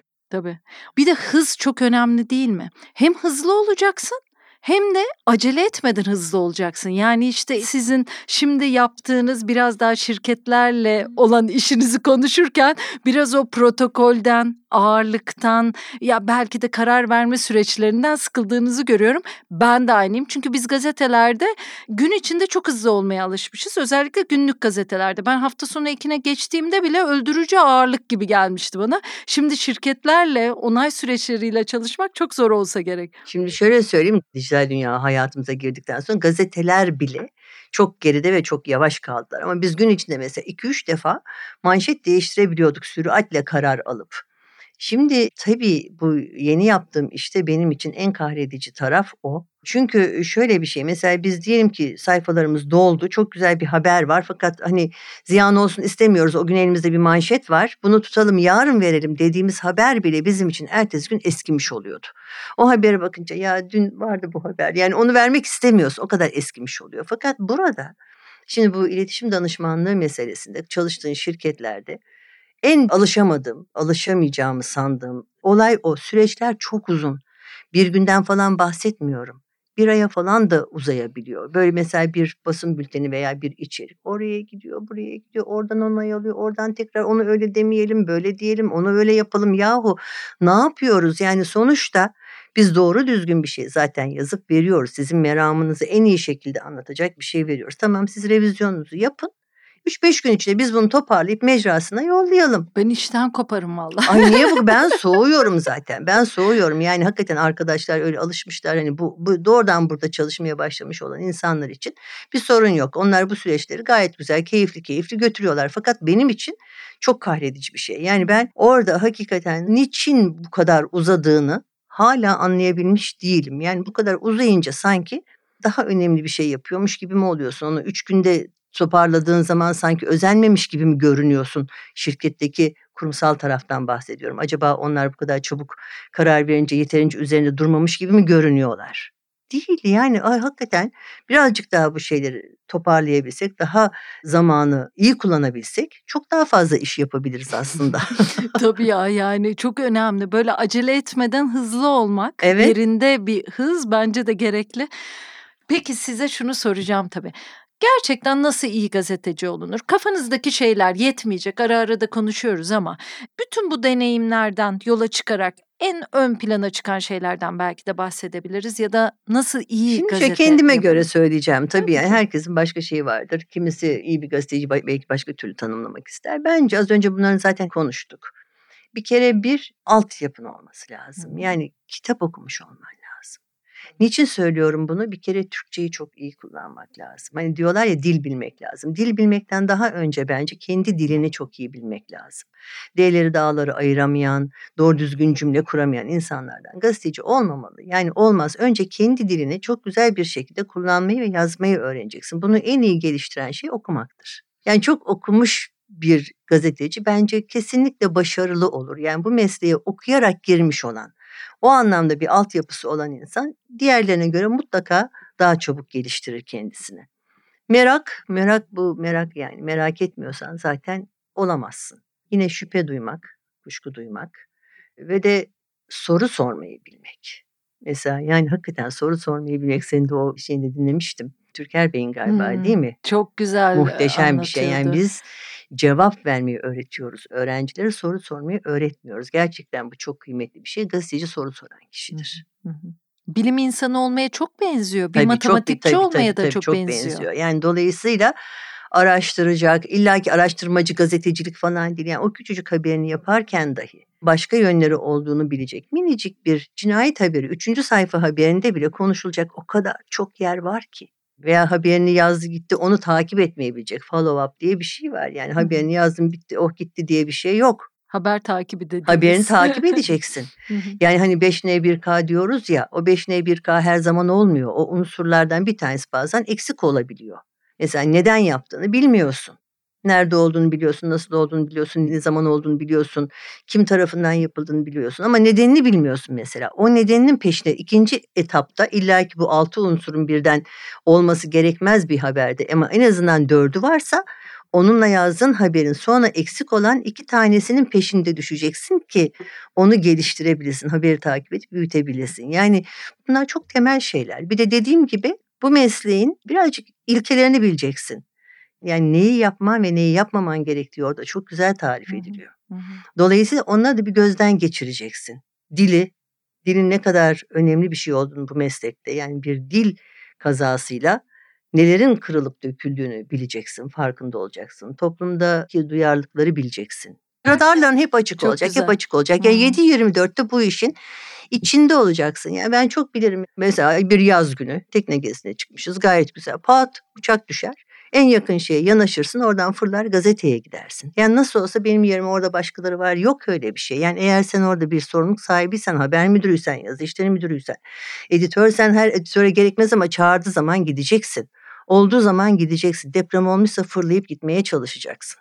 Böyle büyük olaylarda gideceksin. Yani oralarda o kasları gelişmemiş olan insanlar ne olur başka yerlerde çalışsınlar. Yani herkesin gazeteci olması şart değil yani. Hakikaten yani o kasların yoksa başka bir meslek, dolu meslek var hayatta. Hı hı. Bu kaslar çok önemli. Okumak derken bir edebiyat, kitap, tabii tabii roman roman dünya kesin okumak, kesin kesin. Bir de aslında başka muhabirsen mesela diğer muhabirlerin Ah, yazılarını tabii, okumak, tabii, diğer tabii. gazeteleri okumak, rakibin ne yaptı tabii, bakmak. tabii. Bu bile gitmişti ben artık sonlara gelirken gazetelerde. Yani hani mesela hafta sonu iki toplantısına geliyoruz pazartesi günü. Yani hürriyetin manşetine bak be kardeşim. Hani Ya. bunu da benim söylemem gerekmesin artık yani. Hani mesela bana o gazetede çıkmış bir şey söyleme değil mi? tabii. Bu bizim için çok çok önemliydi. Onun için Çok, dedim bilim çok. insanıyla, matematikçiyle çok güzel Haluk Oral geldiğinde şey demişti. Bir matematikçi asla daha önce yapılan bir teoriyi yeniden kanıtlamakla uğraşmaz, uğraşamaz yani. Yeni bir teori ortaya atacaksın. Bizim de işimiz de bu ya. tabii. Yani daha önce yapılmış haberi yapmanın yeniden bir şey eklemeyeceksin Eğer ona. ekle- ama ekleyebiliyorsan tabii, Tabii ki. ki yaparsın. Onu da tekrar ama yeni bir unsur katamıyorsan başka Hı bir yerde çıkmış şeyi tabii ki yapmayacaksın. Tabii. Bir de sizi düşünürsek iletişim de çok önemli. Beyoğlu'nda yaşamak başkaydı mesela. O Tabii. gümüş suyundaki evi biraz da onun için söylüyorsunuz herhalde değil mi? Tabii. Yani kendini bir fanusa almayan bir yönetici olmak, gazeteci olmak, hayatın içinde olmak önemlidir aslında. Herkesin de ulaşabildiği birisi Tabii. olmak. Yani hiçbir zaman aman da ben yazı işleri müdürüm orada buyum falan falan. Hı. Ya, ya hayır hayır herkesin ulaşabildiği. Herkesin konuşabildiği. Yani çünkü ben hep öyle davrandım ve öyle birisi olmak zaten gerekiyor. Hı hı. Yani dolayısıyla o çok kıymetli bir şey. Tabii tabii. Ama işte Hayatın o mesafeyi de olmak. kurmak. Mesafeyi Siz onu koruyarak. kurarak yapıyorsunuz. Mesafeyi Belki de koruyarak. tabii ben sizi belli bir yaşta, belli bir döneminizde tanıdığım için de öyle olabilir ama ben o mesafeye hep özenmişim. Önce de önce de Mesafesiz bir insan önce de olarak. öyle. önce de öyleydi ben sana söyleyeyim. Hatta Ne güzel. önce belki birazcık daha e, Hmm. kuralcı olmuş olabilirim. Hmm. Zaman geçtikçe birazcık daha esnetmiş olabilirim. Öncesinde birazcık daha kuralcı olmuş olabilirim. Peki klasik sorum siz bunu biliyorsunuz. Türkiye'de birlikte nasıl daha iyi yaşarız? Zor bir soru. Bu kutuplaşmanın bu kadar derinleşmiş olduğu bir ortamda bunun çok kolay bir formülü yok belki. Ama benim aklıma Turgut Uyar'ın dizeleri geliyor. Daha doğrusu onu hatırlamak istiyorum. Çok kısa diyor ki keşke bir şiir okumuş bir kedi sevmiş olsaydınız. Devamında belki bu kadar kirletmezdiniz dünyayı diyor ama ben onun devamını şöyle getirmek istiyorum. Keşke bir şiir okumuş bir kedi sevmiş olsaydınız. Belki daha güzel yapardık dünyamızı, ülkemizi. Böyle demek istiyorum Nilay. Çok teşekkür ediyorum Nurcan Hanım. İyi Ben ki geldiniz. ederim. İyi ki bu seride oldunuz ve sizin bana övdüğünüzü tekrar edeyim programı bitirirken de.